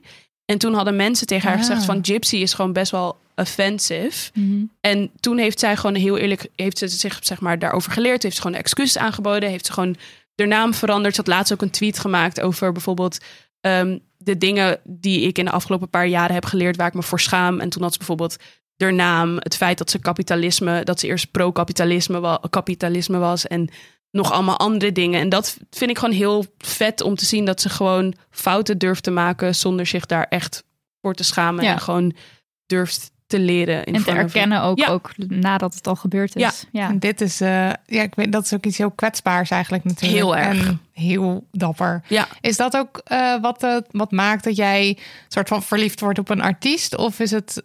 eh, Ehm, nee, eigenlijk moet ik heel eerlijk zeggen dat in de afgelopen paar jaar ik het er weg van probeer te blijven. Van het echte ideali ideologie? nee, Idealisme? idealise- idealis- Hoe zeg je dat? Dat je iemand op een... eh, op Op een, voetstuk ja, plaatsen. Ja, dat. ja, ja, dat sowieso. Oh, zo, ja. Ja, dat, dat, daar probeer ik sowieso van weg te blijven. Maar ik denk ook gewoon te veel te weten over een artiest of zo. Omdat het wordt gewoon zo moeilijk om de persoon los te zien van Ja. de kunst. Ik heb Mhm. ook heel vaak gezegd... Eigenlijk interview ik mijn idolen liever niet. Maar ik Want zag... als je een asshole bent, dan is je muziek gewoon forever verpest. Voor jou dus wel. Ja, voor mij wel, ja. ja. Als ik bedoel, als ik jou ga interviewen en je bent gewoon niet aardig, ja, dan kan ik gewoon niet meer chill naar je muziek luisteren. Ja. Ik heb ook echt even getwijfeld of ik Kevin Parker wel wilde interviewen. Ja, dat is jouw grote held, hè? Ja. Tame Impala. ik heb echt even getwijfeld, maar toen dacht ik, nee, ik moet het doen. Je hebt het wel gedaan. Ja, ik heb het wel gedaan, maar dat was wel, wel even een punt. En gelukkig was hij heel aardig. Oh, dat scheelt dan wel. Ja, Ja. dan ben je Ja, opgelucht. echt ik snap het wel, ja, ja. ik was echt, echt, ja, ik was echt goed. Omdat ja, het, het, het is echt moeilijk hoor, om ehm, de persoon los te zien. Je ziet het nu ook bijvoorbeeld met Kanye West. Hmm, ja. Geniale man, maar een aantal dingen die hij de afgelopen tijd heeft gezegd. Ik, denk, ja, Ja. ik kan niet meer eh, chill luisteren. Hmm, ja. Ik vind dat heel moeilijk. En zou je hem dan nog wel draaien? Dus dat zie je dan weer los van... Dat is dan weer een soort professionele... Eh, nou, bijvoorbeeld, een goed voorbeeld, R. Kelly draai ik niet. Oké, ja. Daar heb je gewoon Onder heel geen, duidelijk... en, een- ja, onder geen enkele voorwaarde draai ik niet. En Michael Jackson? Michael Jackson draaien we ook niet. Nee. Kanye Op Ja, het zit op het randje. zit bij mij op het randje. Let op, kan je. Je bent close. Pas op wat je doet. Eh, we hadden een vraag van de luisteraar. En zij eh, haalde een quote uit de Taylor Swift documentaire. Namelijk dat zij eh, zei over vrouwelijke artiesten... dat die zichzelf tien keer vaker reinventen dan mannelijke artiesten. En de vraag van deze luisteraar was dus... hoe kijk jij daar tegenaan? Zie, zie je dat verschil of heb je dat helemaal niet? Oh, daar heb ik nog nooit over nagedacht. Reinvent, tien keer reinventen. Sowieso, wat bedoelen we met reinventen? Ja, ik denk dat zij continu bezig is met weer een andere kant van zichzelf laten zien of iets heel anders weer doen. Ik, ben niet, eh, ik ken haar niet zo heel goed. Ik ken maar haar zij ook heeft wel zo. onlangs dat nieuwe album Ja, uitgebracht. Ja, maar ik bedoel meer gewoon ehm, omdat ze het natuurlijk over vrouwelijke artiesten denk ik in Ja. het algemeen, toch? Dus ik zit nu heel eventjes een paar grote artiesten bij te Bij houden. Nou ja, zoals reinventen, denk bijvoorbeeld Madonna heeft toch ook heel veel verschillende soorten Muziek uitgebracht Muziek en en, dingen looks gedaan. en zo. Ja, looks is natuurlijk ook een ding. Ja, dat lijkt Ja. me wel dat je er gewoon opeens heel anders uitziet en heel anders Ja, bent. Terwijl Ja, Prince, ja. die was ook wel... Ja. En eh, David Bowie. Ja, waren waren ook echt- heel erg bezig met Ja. het looks. En, eh, en reinventen de Ja, hele tijd. maar dat is natuurlijk wel even geleden. Zeker. Ehm, maar ja, nou.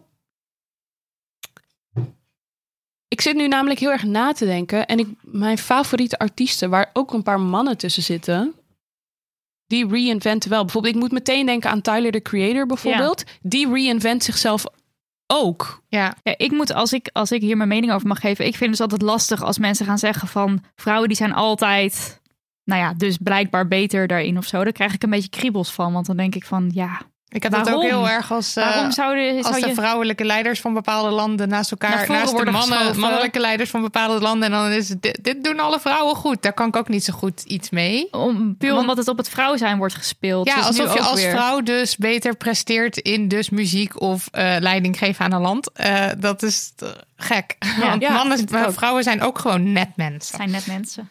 Ik weet het niet. Ik denk, misschien doelt ze ook natuurlijk wel gewoon een beetje op het. Dat het misschien voor een vrouwelijke artiest moeilijker is om houdbaar te zijn. Omdat vaak het begin natuurlijk heel erg gericht is op muziek, op eh, eh, uiterlijk. uiterlijk, Ja. hoe je eruit ziet. En, en dat je dus misschien omdat, ik bedoel, we kijken nog steeds naar de Rolling Stones alsof ze 17 ja- jaar zijn. Terwijl hoe oud zijn ze inmiddels? Ja, Snap je wat ik nee, bedoel? klopt. Ja. Ja, ja. Terwijl ik vraag me af, nou ja, Madonna doet het ook nog maar nog Madonna steeds, die maar- had wel toen ze bij, eh, wat is dat vorig jaar? Bij de Eurovisie Songfestival Ja. eh, was er wel veel kritiek ook. Wat was er dan? Ja, ze zong vals, dat was één. Maar Ja. volgens mij ook dat ze gewoon te oud was om nog dit te doen. Maar ja, volgens mij had het ook te maken met het feit dat het in Israël was. Ja, dat ook. Dat Ja. ook. Dat los nog daarvan Ja. was dat ook zeker een, aan, een klacht. die Ja, er- maar klopt inderdaad. Ze kreeg wel kritiek op, op, op haar leeftijd. Of dat ze te oud dat is was. om- sowieso voor vrouwen iets wat ze Precies. horen. Ja. Dus misschien dat ze daar een beetje op doelt dat, dat vrouwen dat misschien ook zich vaker moeten reinventen. Omdat ja, het zou kunnen. Dat- ja, ik weet het ook niet. ik weet het niet zo goed. Sorry. Ik weet nog wel, eh, ik weet wel dat eh, er is eh, onlangs een recensie door Randy Timmer op oor verschenen over Taylor Swift.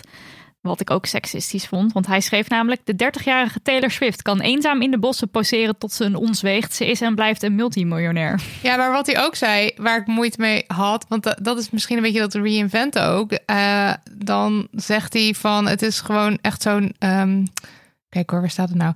Eh, folklore is eh, hoopteksten die onthullen dat Swift een Disney-esque leven leidt en een Disney-esque beeld heeft van liefdesverdriet. Dus dat het toch een beetje dat je neergezet wordt als een Meisje. meisje wat gewoon niet echt, eh, wat in een soort droomwereld leeft. Ja. Eh, ik en vind ik- dat multimiljonair verhaal ook heel erg raar. Want, ehm, nou, noem een grote artiest die een man is en die een albumcover heeft waarbij een Ja. beetje vaag in de verte wordt gestaard. En dan wordt er echt niet gezegd van, maar we vergeten niet dat jij bent multimiljonair bent hoor. ja, ja. Wat heeft dat ermee te maken? Dat heeft niks met je muziek te maken. Nee, nee dit, dat hele ding droop van seksisme. Maar daar, ik kan me dus wel, als dit het beeld is wat mensen dus van haar hebben, dat ze een Disney-esque leven leidt, kan ik me voorstellen dat ze, dat ze zoiets heeft van je moet je reinventen om een soort van meer als, weet ik veel, als, Als meer als kunstenaar als kunstenaar of als serieus genomen te worden of zo. Ja, kan. Ja. Ja. Eh, ja. Ja, ja, nou ja, eigenlijk gewoon Ja. een, Maar een- dit soort recensies, die, die dus waar seksisme overheen zit, vind ik. En we hebben dus net ook al die quote van Frank, Ja. eh, die DJ, ook seksisme. Eh, heb jij zelf ehm, seksisme of racisme in de radiowereld meegemaakt? Not to my face. nee, Dat gelukkig. iets. Ja, ja. Ja. gelukkig eh, niet. Ik zit nu even heel hard na te denken. Maar eigenlijk als je hard moet nadenken, dan Dat zegt al iets. dat zegt al iets. ja, want iemand vroeg van hoe je daar dan vervolgens op reageerde. Maar dat is dus niet iets wat je, wat Nee, je zo eh, boven kan halen. nee. Dat, wat mij Gelukkig Iets Maar ik heb ook wel bij mezelf heel erg het gevoel dat ik op het juiste moment ben binnengestapt. Want je hebt natuurlijk eh Roosmarijn Rijmer, die heeft echt een enorme strijd gestreden. Eh, een aantal jaar geleden. Ik weet even niet meer het exacte jaar. Ehm, ik heb het idee dat de, de vrouwen die voor mij kwamen, die hebben denk ik het meeste shit over zich heen gekregen. Want als Ja. we soms wel eens in de DJ-meet zitten te praten en ik hoor hoe er gereageerd werd in de app. De allereerste keer geloof ik dat een, dat een vrouw radio kwam maken bij 3FM. Valt mijn mond daar van open. Ja. Dit is echt, eh, als je dan, want eh, Ronald, Roland, Ronald Molendijk, sorry hoor. Roland Molendijk. Die zei dan, eh, vrouwen voelen zich per definitie minder senang in de, in, in de studio. En wij hebben toen eh, een eh gedachte-experimentje gedaan van wat als, als, als de muziekwereld was gedomineerd door vrouwen en je probeert er als man in te komen, dan voel je je ook niet senang. Dit- Wat jij nu beschrijft is precies dat. Dat je dus wordt bekritiseerd terwijl je je werk aan het doen bent en dan worden er appjes gestuurd. En je, natuurlijk voel je je dan niet Ja. senang. Ja, Precies, ja. en zie dan maar eens door te gaan. En, Ja, en, eh, en de kwestie van de lange adem. Ja, hallo, als je de hele tijd je onveilig voelt in je werk en als je niet kan eh, ontwikkelen in je werk, dat is toch, dan zou ik ook niet blijven hangen. Precies, ja. Precies dat. En eh, qua thema's, want je hebt je met Black Lives Matter heb jij een gesprek met je moeder, eh, wat je had Oh ja. opgenomen, heb je uitgezonden, wat ook veel gedeeld werd. Hoe reageerde zij daarop ook? Wist, wist zij achteraf dat jij dat ging uitzenden? Of had je dat niet? Ik had het niet je- van tevoren tegen haar gezegd. Ik had wel gezegd dat ik dus die. Ik had haar dus gewoon gebeld. Gewoon zelf. Ik had haar gewoon gebeld omdat het, het er was op dat moment. Het, we zaten toen zeg maar op het toppunt. Weet je wel? Gewoon iedereen zat hoog in zijn energie Emotie. en iedereen zat hoog in zijn, in zijn emotie inderdaad. En dus ik belde haar gewoon meer om gewoon even met haar te praten. Weet je wel? Om- Ook gewoon omdat ik zelf gewoon ja even met mijn moeder wilde praten daarover. En halverwege het gesprek dacht ik gewoon, ik ga het opnemen. Nog niet echt wetende wat ik ermee ging doen. En toen had ik het geëdit. En toen dacht ik toch een beetje, ja, ik weet niet of ik dit eh, ga uitzenden. Maar ik had het naar mezelf gestuurd. Ik dacht, ik zie wel in de studio. En toen eh, was ik daar met mijn producer. En toen liet ik het aan mijn producer horen. En toen zei ik, ja, moet ik, moet ik dit uitzenden? En zei hij, dit moet je zeker uitzenden. Hmm. En dat heb ik toen gedaan. En mijn moeder was dus toevallig aan het luisteren. Dus die stuurde me wel een appje. Ze zei, ik sta te janken bij de radio. En Oh. ik, ik vind het verschrikkelijk dat je dit hebt gedaan. Maar ik vind het ook heel goed dat je het hebt gedaan. Ja. Niet dat ze zich nu eh, definitief onveilig voelt als jullie een telefoongesprek Maar ze zei wel meteen, ik hoef nergens aan te schuiven. Nee, Dus, Oh, ja, en, ja. Ik, en, het, eh, dus, en het gebeurde inderdaad dat daarna kreeg ik inderdaad heel veel Ja. vragen of ik met mijn moeder aan wilde schuiven. En ze, ze heeft echt meteen gezegd, ik hoef niet in de media. Dus daar was ze heel eh, duidelijk in. Dus dat Ja. hebben we ook niet gedaan. Mijn moeder gesproken. Ik weet dat je luistert, mam. Oh, you're gonna kill me. Maar ehm, vanmiddag belde ik haar om te vragen van... mam, wanneer heb jij voor het eerst met mij en Jaël, mijn zusje, gesproken over racisme? Want zij wist natuurlijk, ja, ik heb twee zwarte dochters. Op een dag gaan ze er helaas ooit een keertje mee te maken hebben. En ehm, we hadden daar een heel gesprek over. En halverwege begon ik eh, stiekem op te nemen. En ik hoop dat jullie dat niet meer hebben. Dat wanneer jullie kinderen hebben, dat jullie net als de, de witte ouders je kinderen met gewoon. dat je niet angstig hoeft te zijn. Van mijn god, als er wat gebeurt.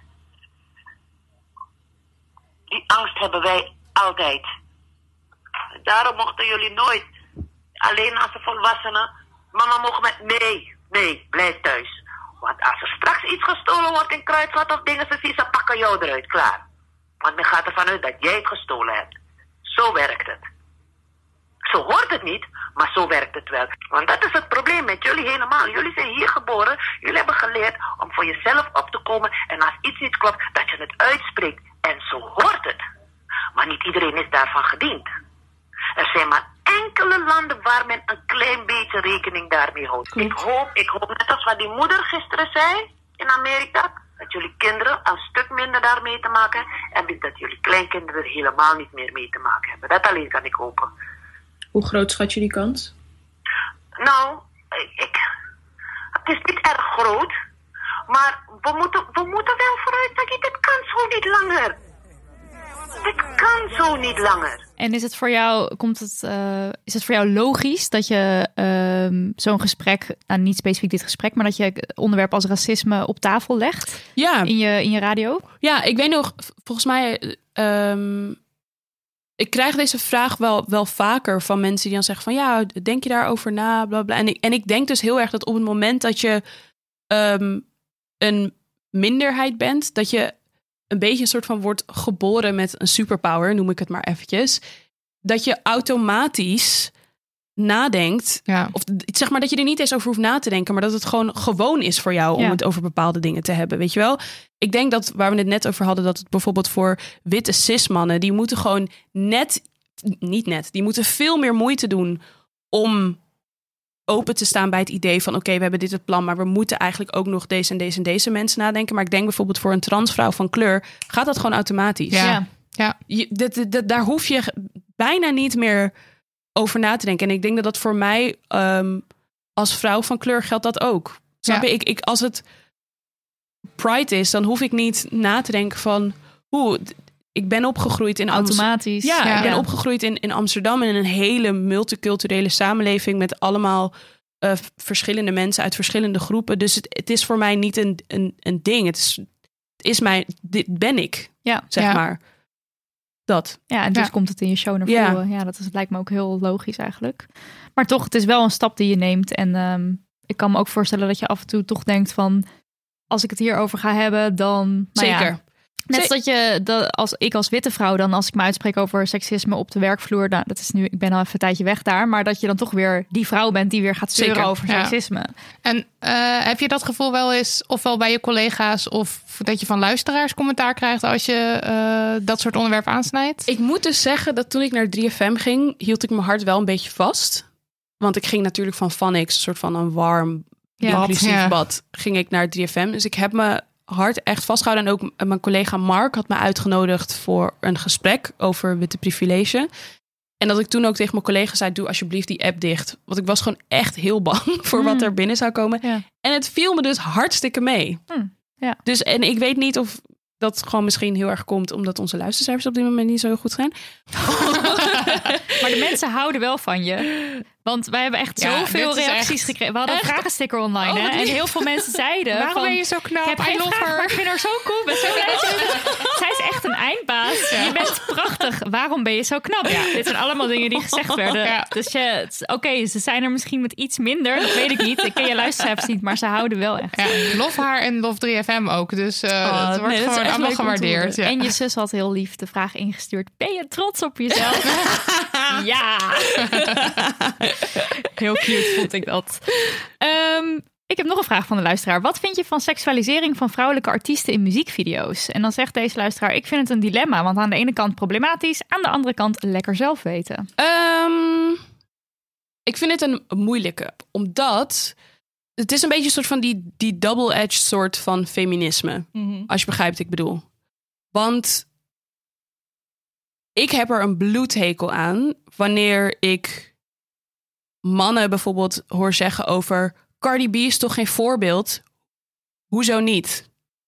Snap je? Als zij halfnaakt met haar bil wilt schudden in een videoclip, Love it. let her live. Ja, heerlijk. Snap je? En als, als zij er power uithaalt om dat op een man te doen, who am I to judge? Snap je? Eh, Ik denk dat het te maken heeft met de intentie. Als je begrijpt wat ik bedoel. Dus je, je hebt soms heb je gewoon echt denigrerende clips dat je je gewoon een beetje afvraagt van Hmm.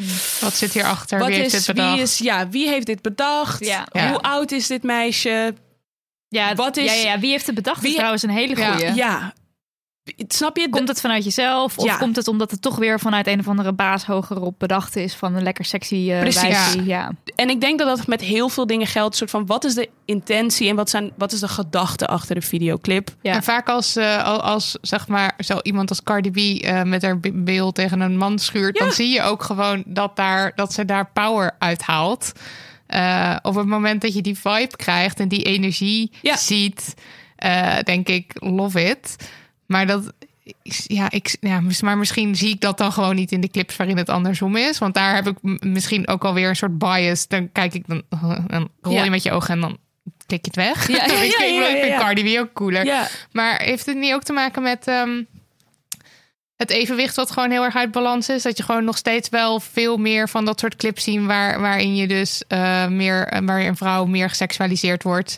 En niet per se andersom, waarin de vrouw degene is die seksualiseert, zeg maar. Die, eh, zeg maar, je hebt. Nou ja, sowieso als je naar artiesten kijkt, denk ik dat vrouwelijke artiesten sneller zich, wat wij dan als sexy zien, zich zo kleden. Vergeleken mannen met een t-shirt en een spijkerbroek op het podium.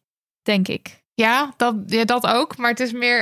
Het is volgens mij gewoon uit balans. Het is niet als je nou al die seksualiserende video's hebt en daarnaast ook nog allerlei Mhm. cools in hetzelfde genre, zeg maar. Dan Ja. valt het niet zo op dat er. ja, maar dat vind ik dus sowieso een moeilijke, omdat ehm, ik ga er maar heel eventjes vanuit dat we het nu over hip-hop hebben.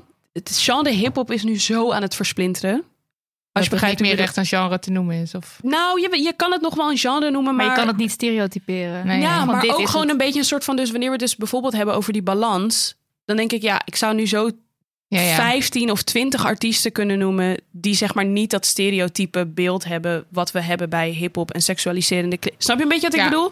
Ik vind dat ik vind dat zo ik vind dat altijd een heel lastig ding omdat alle grenzen vervagen ja. op dit moment. Maar Compleet. tegelijkertijd zitten we nog wel allemaal met een stereotype beeld over rap, rappers, wie Ja. rappers zijn, een stereotype beeld over Ja. wat de hip-hop is en Ja. hoe die clips eruit zien.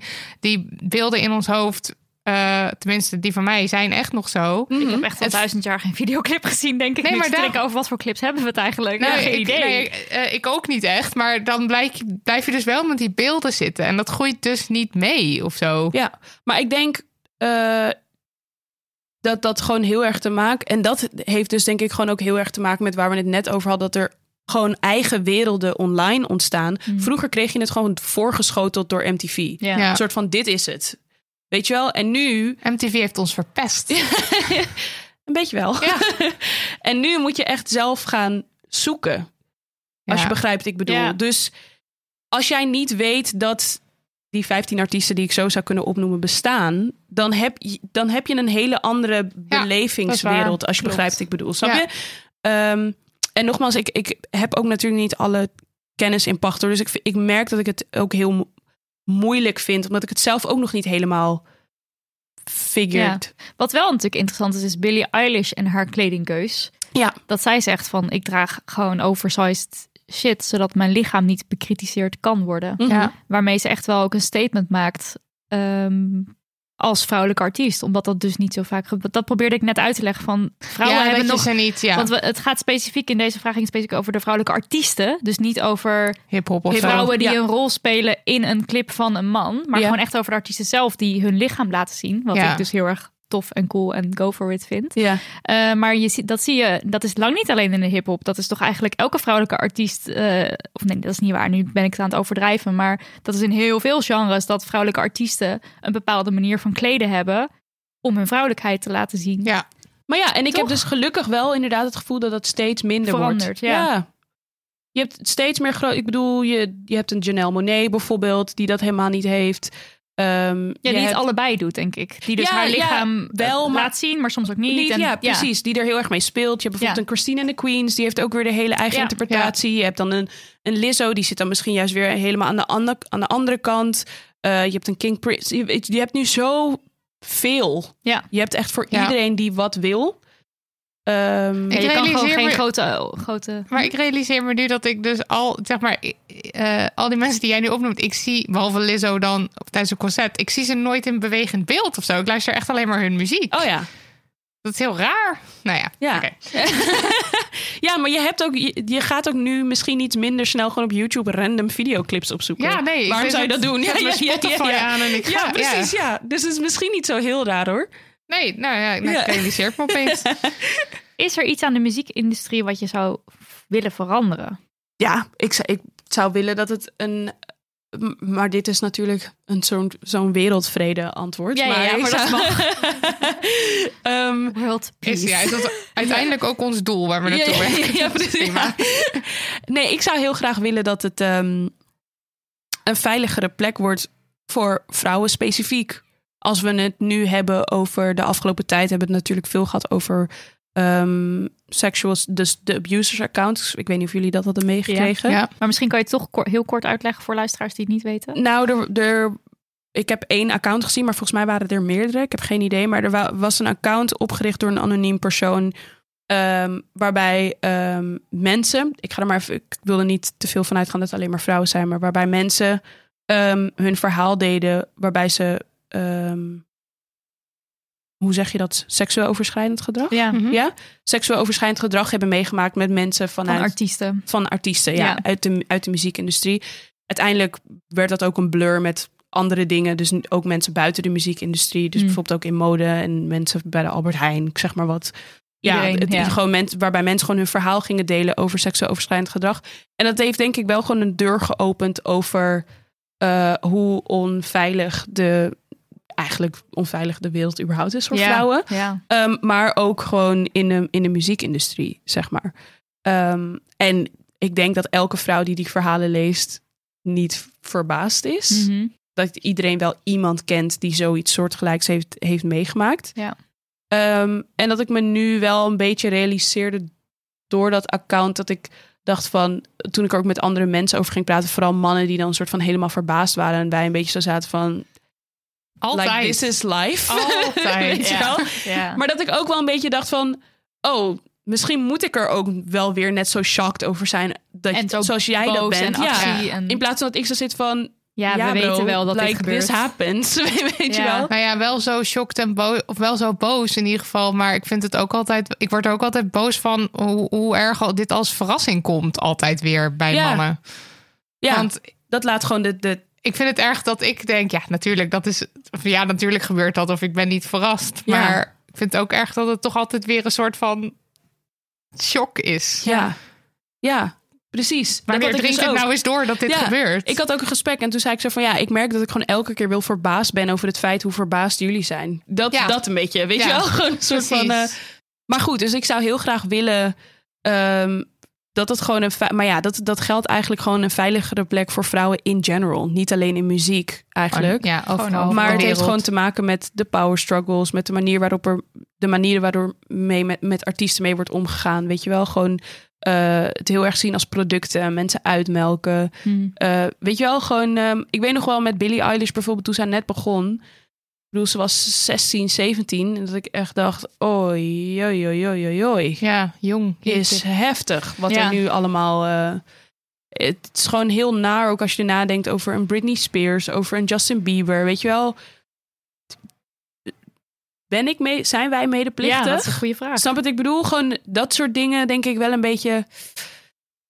Ja, ik weet niet. We, bij Base hebben we het wel eens gehad over... moet er een leeftijdslimiet komen waarop Mm. ehm, Ah, ja. artiesten mogen beginnen met een superster zijn, bij wijze Ja. van spreken. Omdat, ah, ik weet niet... Je hebt te veel, zo jongs je hebt aan te al. veel voorbeelden van mensen die gewoon... Ik bedoel, Michael Jackson. Dus, Ja, waarbij het gewoon fout gaat.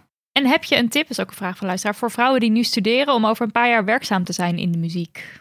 En misschien daarop aansluitend, als je wijze raad aan je jongeren zelf zou mogen geven, wat zou dat dan zijn? ehm, Als je wil werken- gewoon, is het Ja, gewoon een soort ja. van gebeurd. Werken in de muziek is sowieso breed, hè? Ja, het is waar, heel Waar, breed. waar Ik weet niet- werken? bij een label, welke- bij een... eh, ehm, Maar misschien dan even op de radio gericht, want dat is jouw vakgebied. als je wil werken bij eh, radio...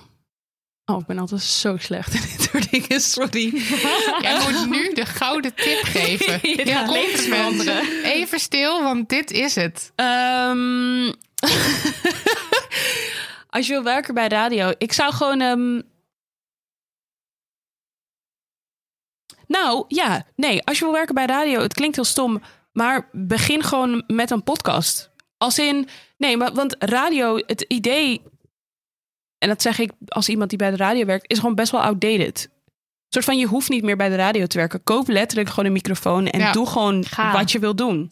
Draai Echt. gewoon Ja, man. 16 nummers in één uur. Ja, man. doe het. Nou, echt. Weet je wel, ehm, je hebt zoveel vette voorbeelden. Nou, jullie, weet je wel, je, je hoeft... Mainstream media is cool, but it also isn't. Ja. Zegt de vrouw die bij mainstream media werkt. Maar die ook een podcast heeft. Ja, nee, Ja. fair enough. Snap je? Jij Maar doet het is- gewoon aan allebei de Ja, ja, ja. wereldjes mee. Nee, maar dat zou ik zeggen. Als jij ehm, in, in, zou zeggen bij radio, zou ik gewoon zeggen, begin. Ja. Gewoon. En heb je een advies voor je jongeren zelf? Hm. Je bent nog jong, denk ik dan de hele tijd. Maar goed. Ehm neem het allemaal niet zo serieus, maar ik vind het nog steeds heel moeilijk. Ik neem het nog steeds allemaal heel erg serieus. Dus het is niet alleen voor mijn jongeren zelf. Bedoel je dan dat je bang bent om een fout te maken? Of, of dat je te hard werkt? Of wat is Ja, te serieus? Als in ehm, ehm, mijn, eh, de zendermanager van Shaddy, die zei altijd... We maken radio, we zijn geen mensenlevens aan het redden. Hm. Snap je? En dat is zo waar. Like, ik, Maar dat moet je jezelf wel af en toe even vertellen. Want Ja. eh, je kan je soms zo verliezen in je werk. Ja. ja. Snap je? En het is. En eh, laat je daar gewoon niet te veel door meeslepen. Weet je wel? Het is gewoon, je, je doet iets wat je hartstikke leuk vindt. En dat is mensen muziek laten horen. Het Ja. is echt niet meer en het is niet minder Ja. dan dat. En dat moet je jezelf inderdaad af en toe wel eventjes herinneren. Omdat ook radio, zeg maar, zo'n eh, competitief is dat een woord? Ja. Ja. Dat Ja. is een woord. Ja, Ja, zal ik het even opzoeken nog van Dalen? Het is een woord. een competitieve wereld, weet je wel. Waar Ja. je, je, op een gegeven moment kom je inderdaad in een soort bubbel terecht. En heb je inderdaad heel erg het gevoel dat wat je aan het doen bent, dat dat zo belangrijk is. Ja. Terwijl, het valt hartstikke mee. Het valt altijd. Het is natuurlijk ook een soort gekke vorm van eh, eh, arrogantie om dat Ja, dan te denken. man. Dat, dat je het gevoel hebt dat alles van jou afhangt. Dat, Precies. Ja. Terwijl, je bent gewoon liedjes aan het draaien. Valt Ja. wel mee. Ja. Over liedjes gesproken, of over eigenlijk over artiesten gesproken. Zaten, nou ja. Eh, welke vrouwelijke of non-binaire artiesten veranderen momenteel echt de industrie? Oeh, ehm, veranderen momenteel echt de industrie. Ja, of dru- drukken echt een stempel ja, waar we waarvan je heen denkt, gaan. nou, dit is echt iets. Wauw. Ik vind Christine en de Queens vind ik echt een queen. Ja, same. Heb je ook geïnterviewd, zag ik. Ja, klopt Heel inderdaad. cool. Was dat ook dan net zo cool als je dan hoopt? Bij haar? Ehm, bij hun. Bij die? Ja, of die hun, Bij hen ja. of hen kan ook. Ehm, ik, had, eh, ik had geen verwachtingen bij hen. En dat, dat probeer ik met elk interview te doen. Ik probeer mezelf ook altijd te vertellen: You're not here to make friends. Omdat Oh ja. ik vind het persoonlijk altijd heel vervelend als ik naar interviews kijk. Ehm, En ik zie dat de interviewer vrienden probeert te worden met de artiest. Ik vind dat echt de most cringe thing in the world. Dus ik probeer er altijd gewoon heel erg inderdaad gewoon als werk in te gaan en gewoon geen. eh, Oh, dat is Verwachtingen hele, te hebben. Ja, dat is een hele slim. En ben je zelf dan wel starstruck eh, als je als je ik had het alleen dus met Kevin Parker. Voor Ja, de rest ja. eigenlijk ben je er altijd profi. Ja, en dat heeft er ook voor een heel groot deel mee te maken dat veel artiesten die ik spreek eh, aan het begin van hun carrière staan. Of dat het sommige artiesten zijn met wiens werk ik nog niet echt eerder bekend was. Wat ook heel fijn is trouwens. Ja. Omdat dan ga je er inderdaad gewoon echt super blanco in. En dan heb je het echt over de muziek. Ja. Ehm, in plaats van het persoonlijke. En vaak komt het persoonlijke komt er dan vanzelf bij. Want iedereen maakt natuurlijk muziek vanuit zijn eigen beleving. Ehm, en ik merk dat ik dat heel erg heel fijn vind. En dat is dus waarom ik net zei dat ik het steeds fijner begin te vinden om niet te veel over die persoon zijn persoonlijke leven te weten. Ja. Want anders heb je gewoon vooroordelen. En dan krijg je zo'n heel sturend gesprek. Je merkt het meteen wanneer je een interviewer hebt die precies weet wat hij wil dat, het, dat, dat die persoon gaat Ja. vertellen. Ja. En dat vind ik altijd zo zonde, want dan krijg je nooit echt een gesprek. Dan wordt het bijna een soort van interrogation of zo. Oh ja. Als je begrijpt wat ik bedoel. Gewoon een soort van. lospeuteren. Ja, inderdaad. En dat probeer ik altijd een beetje, een beetje te, te, te vermijden. Dus ik probeer er altijd met no expectations gewoon In te gaan. in te gaan. Ja. Maar wat is het wat Christine en de Queens doet dat je zegt van oké, dat is waarom het zo vernieuwend is? Ik hou van mensen die denken aan het hele pakket. Ik hou daar echt heel erg van. En Christine en de Queens, ehm, ze zijn iemand die denken aan live show. Was zo goed op Best Kept Secret. Weet je wel, die denkt aan eh, de videoclip. Eh, aan die gewoon, toen ik met hen sprak, het was echt gewoon. Er, komt, er spat zoveel passie van af. Dat zelfs al vind je hun muziek niet vet, je waardeert gewoon de liefde die zij hebben voor wat ze doen. Of zo. vak, Ja, ja. exact. En, en, en, en wat ik heel sterk vind, is dat het feit dat ze non-binair zijn, is een plus.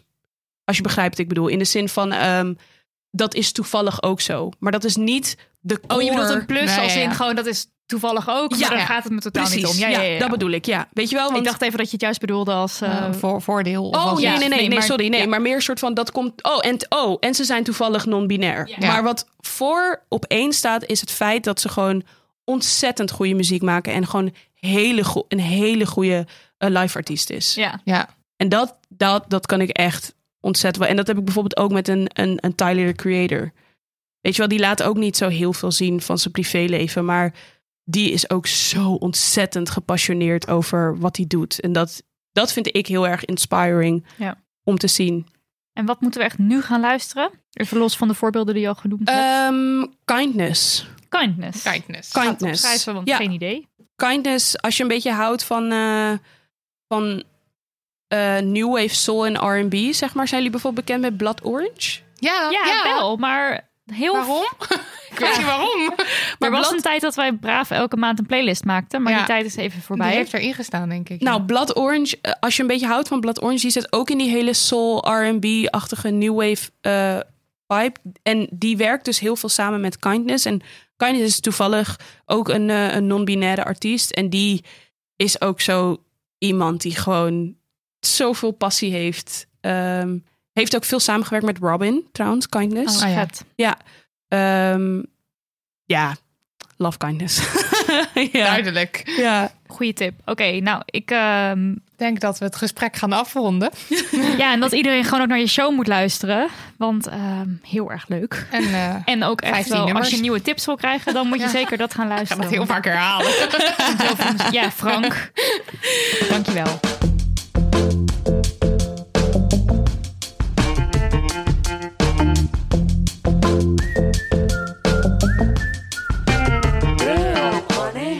We bij de afsluiter van deze aflevering. Damn Honey, yes en no. Nidia, je Damn Honey, no. Ja, daarvoor gaan we naar Egypte. Eh, want een paar dagen geleden werd bekendgemaakt dat vijf jonge vrouwen zelfstraf hebben gekregen voor het posten van wat dan genoemd wordt onfatsoenlijke video's op eh, TikTok. En ehm, dat gaat om influencers. Eh, twee eh, influencers en drie vrouwen die werkten voor deze influencers. En in april, geloof ik, zijn zij al opgepakt. Het gaat om Mawada Al-Adham en Hanin Hossam. En dat zijn volgens mij echt enorm grote influencers. Ze hebben het echt over een miljoen volgers. En in april al opgepakt en nu dus een celstraf van twee jaar gekregen. Ehm, en dat is dan onder de noemer, wordt het dan, eh, ze worden dan beschuldigd van het schenden van de normen en waarden van de Egyptische samenleving en het plaatsen van onfatsoenlijke foto's en video's die de openbare moraal verstoren. Dat is de, wat de staatsomroep naar buiten heeft gebracht. En ze moeten los van de celstraf 16.000 euro boete per persoon betalen. En het is super naïef van me, maar ik schrik er dus van dat mensen met zo'n groot bereik dus opgepakt worden. Worden. En dat dat kan. Ik weet, het is echt super naïef, want er zijn al heel veel journalisten, heel veel ook eh, actrices of eh, acteurs, die zijn al deze vrouwen voorgegaan. Dus het is echt niet de eerste keer. Maar je hebt dan het gevoel omdat ze een groot Ja, dat je platform denkt hebben, dat kan dan komt toch het hele niet? volk nog in opstand. Ja, ja, Ja. dat. Ja. Maar dat is dus ook steeds meer aan het gebeuren, want online gebeurt er nu veel vanwege ook corona, omdat mensen natuurlijk thuis zitten. Eh, en er is ook een petitie gestart, dus die zal ik ook in de show notes zetten. Want ik krijg dus hier heel erg het gevoel bij van, ja, maar wat ga ik dan doen of zo, weet je wel? Wat kan Ja. je hier nou aan veranderen? Of dit is gewoon zo afschuwelijk. Dat weet ik niet, maar goed, een petitie tekenen is iets. En iets, iets Je kleins wat je kan doen. erover is ook iets wat je kan doen.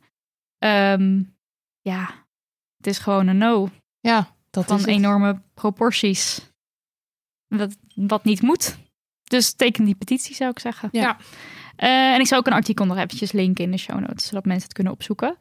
Marilotte, Ja, eh, het is alweer voorbij. Tenminste, in Nederland dan. Nou ja, eigenlijk vandaag nog niet tijdens het opnemen, maar morgen wel. De Pride. Of zondag. Zondag, denk ik. is het voorbij, denk ik. Zaterdag. Ik ben nu door... zou dan, Ik door- dacht zaterdag. Zaterdag zou dan de Canal Parade zijn. Dan Ja, maar het- ik- eh, op zondag zijn er dan nog altijd feestjes. Maar Ja, zeg maar normaal weet Het ik het door de feestjes. Ja, dus ik denk dan zondag misschien. Oh ja. Maar goed, in ieder geval, het is bijna voorbij. De Pride. Eh, geen feestjes dus dit keer. En ehm, een paar corona-proof meetings wel. Maar online was het wel eh, alom aanwezig. want de Pride gaat niet zomaar voorbij. Het is belangrijk. En ik zie ook overal staan, Pride, het is geen feestje. Pride is een protest. ja, en dat is natuurlijk ook met Mandy Wilkins een item Ja, in je show. Dus die zullen we ook nog even in de show notes Ah, dat is een Ja. goeie. Ehm, heel even klein geschiedenislesje. Ik vind het eh, ook altijd wel ehm, eh, leuk om nee, even in te duiken. Eh, want het is dit jaar ook 50 jaar geleden dat de Stonewall Riots plaatsvonden. Op 28 juni 1969. 51 jaar geleden. Nee, 50. Het was toch vorig jaar 50 jaar geleden? 69? Was het vorig jaar? Nee. Ja, dat dacht ik. Dat het toen een heel groot ding was. Toen was er ook speciaal een boot tijdens de Oh, parade. 51 met jaar geleden. Erg. 50 jaar herdenking. Oké, luister. 96. Even een geschiedenislesje. Even een geschiedenislesje. Het is 51 51 jaar geleden. Even een geschiedenislesje. Het is 51 jaar geleden dat de Stonewall Riots plaatsvonden. Op 28 juni 1969 viel de politie de gay bar eh, Stonewall in in New York binnen om mensen op te pakken wegens overtreding van de zedenwet, omdat eh, homoseksualiteit illegaal was, maar ook bijvoorbeeld als transvrouw eh, had je geen leven, want je werd geneemd en geshamed en je kwam eigenlijk niet aan de baan. Eh, eh, vreselijk. Ehm, Normaal legde niemand de politie dan een strobreed, strobreed in de weg. Maar deze keer verzamelden zich zo'n 400 woedende mensen buiten de Stonewall in. En volgens de Amerikaanse kranten werden er met flessen gegooid en werd de bar in brand gestoken. En de opstand is gestart door eh, transvrouwen van kleur. Eh Marsha P. Johnson is een hele bekende naam. Eh, Sylvi- Sylvia Riviera en Stormé de Larverie. En ehm, zij, het is niet per se, ik geloof dat, ik was een beetje aan het onderzoeken en ik geloof niet dat het per se duidelijk is wie het nou was, maar uiteindelijk is het dus door transvrouwen van kleur is het allemaal gestart. En de Stonewall Riots waren een, een keerpunt en zijn eigenlijk een soort van de original Pride. Want een jaar later werd er een, werd er een, eh, eh, werd het herdacht herdenking, met, een, ja. met, een, met de eerste Pride eigenlijk. En eh, daaruit, tenminste dat wordt, dat wordt gezegd, in ieder geval in Amerika zijn de Pride-feesten daar. Dan is Pride dus wel 50 jaar oud. Want dan heb, dan Want de heb je dus Stonewall één jaar. Stonewall Ja, maar misschien en dan heb ik 50 het jaar. Ja. verkeerd. Ja. Ja. Ja. Oh. Maar maakt niet uit. Sorry. Nee. Het is de hele tijd in te breken. heel goed verhaal aan het worden nu. Anyway, het is dus 50 jaar geleden dat de eerste Pride was. Ja. En 51 jaar geleden dat de Stonewall Riots waren. En ook onze Kijk. Pride hier in Nederland komt daar eh, vandaan. Want uiteindelijk is het nog steeds zo dat je op heel veel plekken, ook in Nederland, nog steeds niet onvoorwaardelijk jezelf kan zijn. Ehm, overigens, als je nu denkt, wil meer weten, dan kan ik je van harte aanraden om de documentaire over eh Marsha P. Johnson te kijken bij, eh, op, op Netflix. Eh, en ik wil eigenlijk, nu komt mijn echte Damn Honey Yes, eh, een paar Pride-gerelateerde dingen noemen. Namelijk één is de HEMA, want de HEMA is lekker bezig. Ze hebben een nieuwe verlofregeling voor de regenboogouders die voor hen werken. En dan bedoel ik bijvoorbeeld een homostel met een draagmoeder... of gezinnen met meer dan twee ouders... of lesbische stellen die adopteren. Zij krijgen vanaf 1 augustus vier weken extra geboorteverlof van de HEMA. Want in de wet is het dus voor deze ouders heel kut geregeld... want die vallen vaak buiten de boot. Bijvoorbeeld eh, in het geval van een eh homostel met een draagmoeder... krijgt de draagmoederverlof en één vader ook... en in die tweede vader helemaal niet... Of eh, bij adoptieverlof duurt het vaak meer dan een jaar voordat de adoptie eh, definitief geregeld is. En dan krijgen ze pas daarna verlof. Maar dan mis je gewoon het eerste jaar. Dus het is, Hè? ja, Dat is echt raar. dan is het dus. Ik weet niet of ik nu, ik ben bang dat ik nu dingen verkeerd zeg. Maar eh, het is dan zo dat je dus eigenlijk te laat je verlof krijgt. Dus ja, dan dus mis voordat, je. voordat ze hebben geaccepteerd, eh Ja, dus dan- goedgekeurd. Ja, Nou, bizar. Ja, Ja. dus dan mis je een soort van een heel belangrijk hechtingsmoment aan Ja. het begin. En eh, nou ja, in ieder geval, HEMA wil met het verlof naar eigen zeggen... voor alle gezinnen eh, willen ze het gelijk trekken. Dus dat is top. En het wordt ook doorbetaald. Eh, en nou ja, het is gewoon, het is natuurlijk niet een perfect iets... maar het is een heel duidelijk signaal naar de politiek van mensen... dit moet gewoon goed geregeld zijn. Dus Ja. dat is heel erg fijn. Eh, nog een Damani Yesje is de playlist op Spotify Transcend. Eh, het is een heerlijke playlist. Ik heb er vanochtend naar zitten luisteren. En het zijn allemaal artiesten die trans, non-binair of genderfluïde zijn. 79 heerlijke nummers. Eh, en als laatste ding ehm, het geslacht bij je geboorte wordt uit het eh, identiteitsbewijs gehaald. Dus Ja. het komt er niet meer op te staan of je een man of een vrouw bent. Wel bij je paspoort nog? Wel bij je paspoort nog. Ze zijn nog een beetje eh, aan het afwachten. Ik geloof dat dat wel een soort van in de wachtrij staat. Maar omdat dat natuurlijk veel internationaler geregeld Oh, wordt ja. dan een ID-kaart, eh, zijn ze aan het kijken wat andere landen vinden. Maar in Duitsland bijvoorbeeld stond al je geslacht niet meer op eh, je ID-kaart. Dus nu Nederland. Dus het klinkt eigenlijk alsof het gewoon nog even duurt, maar dat dat zo'n Ja, straks one step is. at a time. Ja, precies. Dus vind ik top. En voor iedereen die zegt, het moet er wel op. Dat is onzin. Staat ook niet op je rijbewijs. Ga maar kijken. Oh my god, het mening hebben om een mening te hebben. Ja. Nou, dat was hem. Sorry voor al die verwarring over 50 jaren. jaar, 51 Samen komen er, samen komen er. Was aflevering 47. Zeg iets. Bedankt. Ja, Jullie bedankt nogmaals voor de uitnodiging. Bedankt ook Daniel van de Poppen dat je eh, net even snel eh, kwam fixen wat er te fixen moest Worden. was, was geweest. Ik kan ook niet meer praten. We hebben te lang vakantie gehouden. Dat Ik denk is het ook. denk ik Dat duidelijk. heel erg, heel erg te Ehm, komen. Ook bedankt Daniel voor het bezighouden van onze puppy Toby tijdens de opnames. Ik heb Toby geen moment gehoord. Hier Ik ook niet. Nee. nee. Misschien slaapt hij al. Ja, ik hoop het voor Eh, thanks Jingleman Lucas de Gier voor de tunes en website meid Lisbeth Smit. Ook jij bedankt. En jij bedankt luisteraar, we houden van je. Je kunt ons post sturen via info.damhoney.nl, vinden we leuk. En vergeet dus niet die hashtag Razorbumps, want dat gaan we doen. Dus stuur die foto en eh, verschijn op onze Instagram anoniem. Ja, en eh, je kunt ons geld geven, ook leuk. Dat kan via petje.af slash damhoney. Of laat ergens op het internet een recensie achter. Zelf weten. Dag! Doei. Doei. Doei.